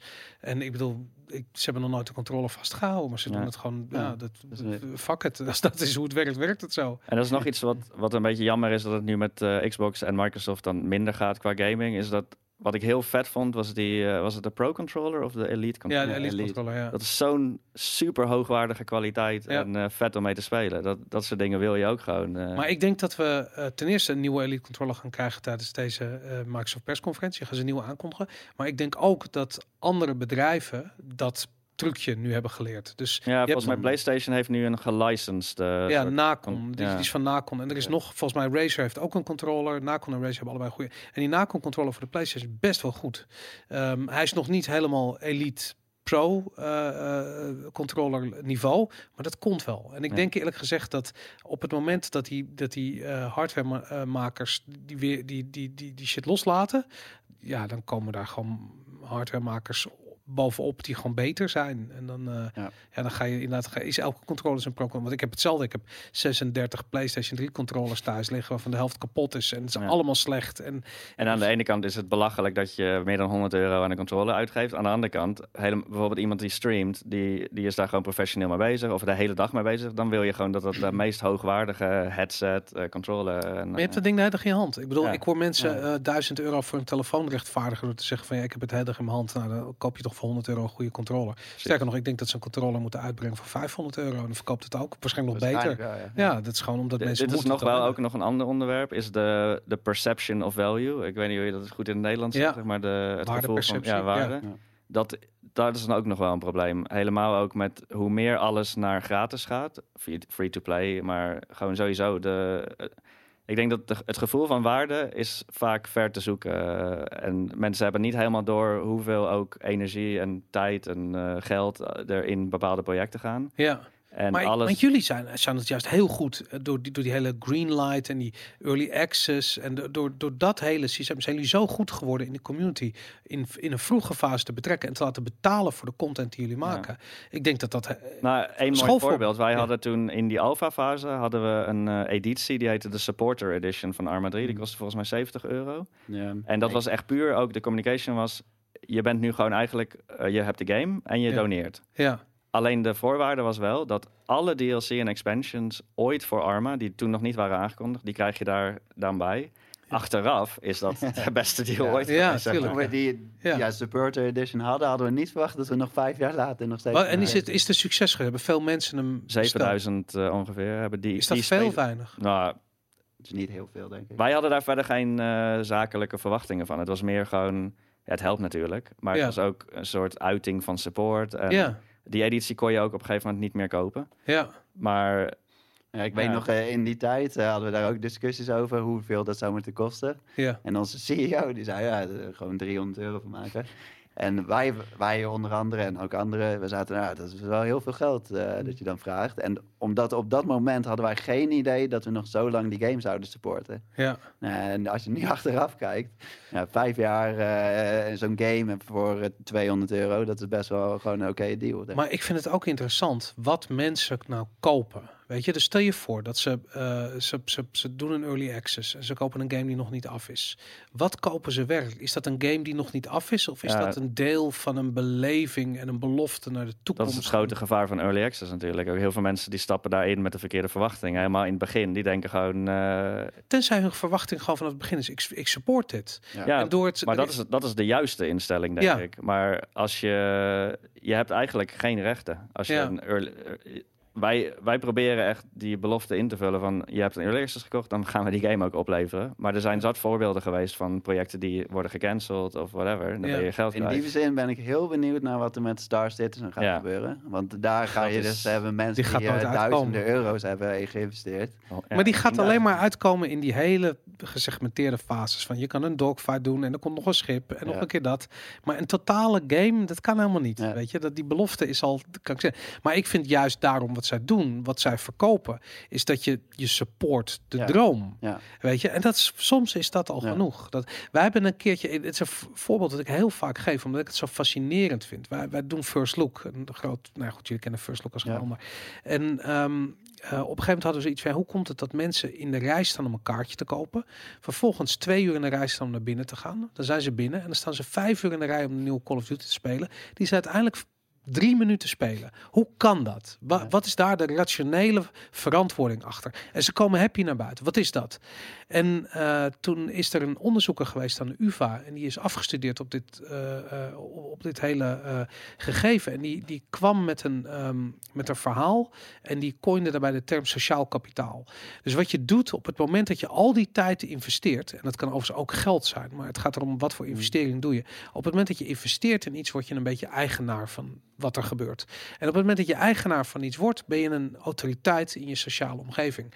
Dus stel je voor, jullie hebben vijf uur in de rij gestaan om Call of Duty te spelen. Eh, dan komen de vrienden naartoe en precies van, hey, jullie, jullie weten alles van Call of Duty, toch? Vertel eens eventjes, is het wat, weet je? En op dat ogenblik dat, dat geeft je zo'n sociale eh, status, dus zo'n sociaal kapitaal. Dat is de investering waard. En, dat, en ik weet, toen ik dat hoorde en het muntje viel en ik had echt zoiets van, fuck, dit is geniaal, weet je. Ik bedoel, mensen kopen niet altijd de producten Nee, nee. die ze, waarvan je als maker denkt dat ze het kopen. Ja. Weet je, ik bedoel, het is ook community en belangrijk zijn binnen die community en meedoen en supporten en het met z'n allen doen. Je wil dat ook, weet je. Ik bedoel dat, Ja. dat ik, ik weet, ik, ik, ik ben ooit eh, toen ik jong was, was ik heel erg fan van een voetbalclub en eh, het was Ajax. Ik zou, en, eh, Niet Ehm, meer dan? Nou ja, op een gegeven moment heb je, wel, heb, je, heb je het jaarlijkse rondje wel gezien. Het is niet dat ik geen fan ben, maar het, Ja. het kan me gewoon niet zoveel meer schelen, weet je. Het is gewoon heel commercieel geworden. En dat was nog voordat je de arena had en weet ik veel wat was in de meer. En ehm, ik weet nog dat, dat ja, je kocht een seizoenkaart en dan ging je daar naartoe en dan ging je nog naar... Maar je kon verder, kon je niet, je kon een shirtje kopen en dat was het wel. En ik realiseerde me toen al dat ik echt zoiets van, nou, ik zou wel meer willen. Dan nou, neem je een abonnement op VI of zo, weet je, Mm. weet ik van. Maar je kan niet echt meer doen dan dat. Je kan niet spelers kopen voor de club. Terwijl ik dat misschien wel gewild had. Niet, ik bedoel, ik heb niet miljoenen om een speler te kopen. Maar stel je voor dat je met z'n allen een, een fonds hebt om een speler te kopen. Feyenoord heeft dat niet al te lang geleden gedaan, volgens mij. En dan kan je met, met de hele supportersgroep koop je dus een speler voor de club. Dat wil je. Je wil, je, je wil echt meedoen. En ik kan me voorstellen dat het in game design, er zijn weinig dingen die, waarin eh, spelers zo emotioneel betrokken zijn bij het product wat je als maker maakt dan, dan videogames. En ja, jullie, staan, jullie zijn dat aan het maken. Jullie zijn naar Ja. een product aan het boetseren waar mensen alles van willen. Niet alleen spelen, ze willen het beleven, ze willen zich erop verheugen. ze En waar ze letterlijk tienduizenden uren in steken. Niet alleen spelen, maar ook inderdaad gratis content voor de rest voor de community maken. En Daarom, ja.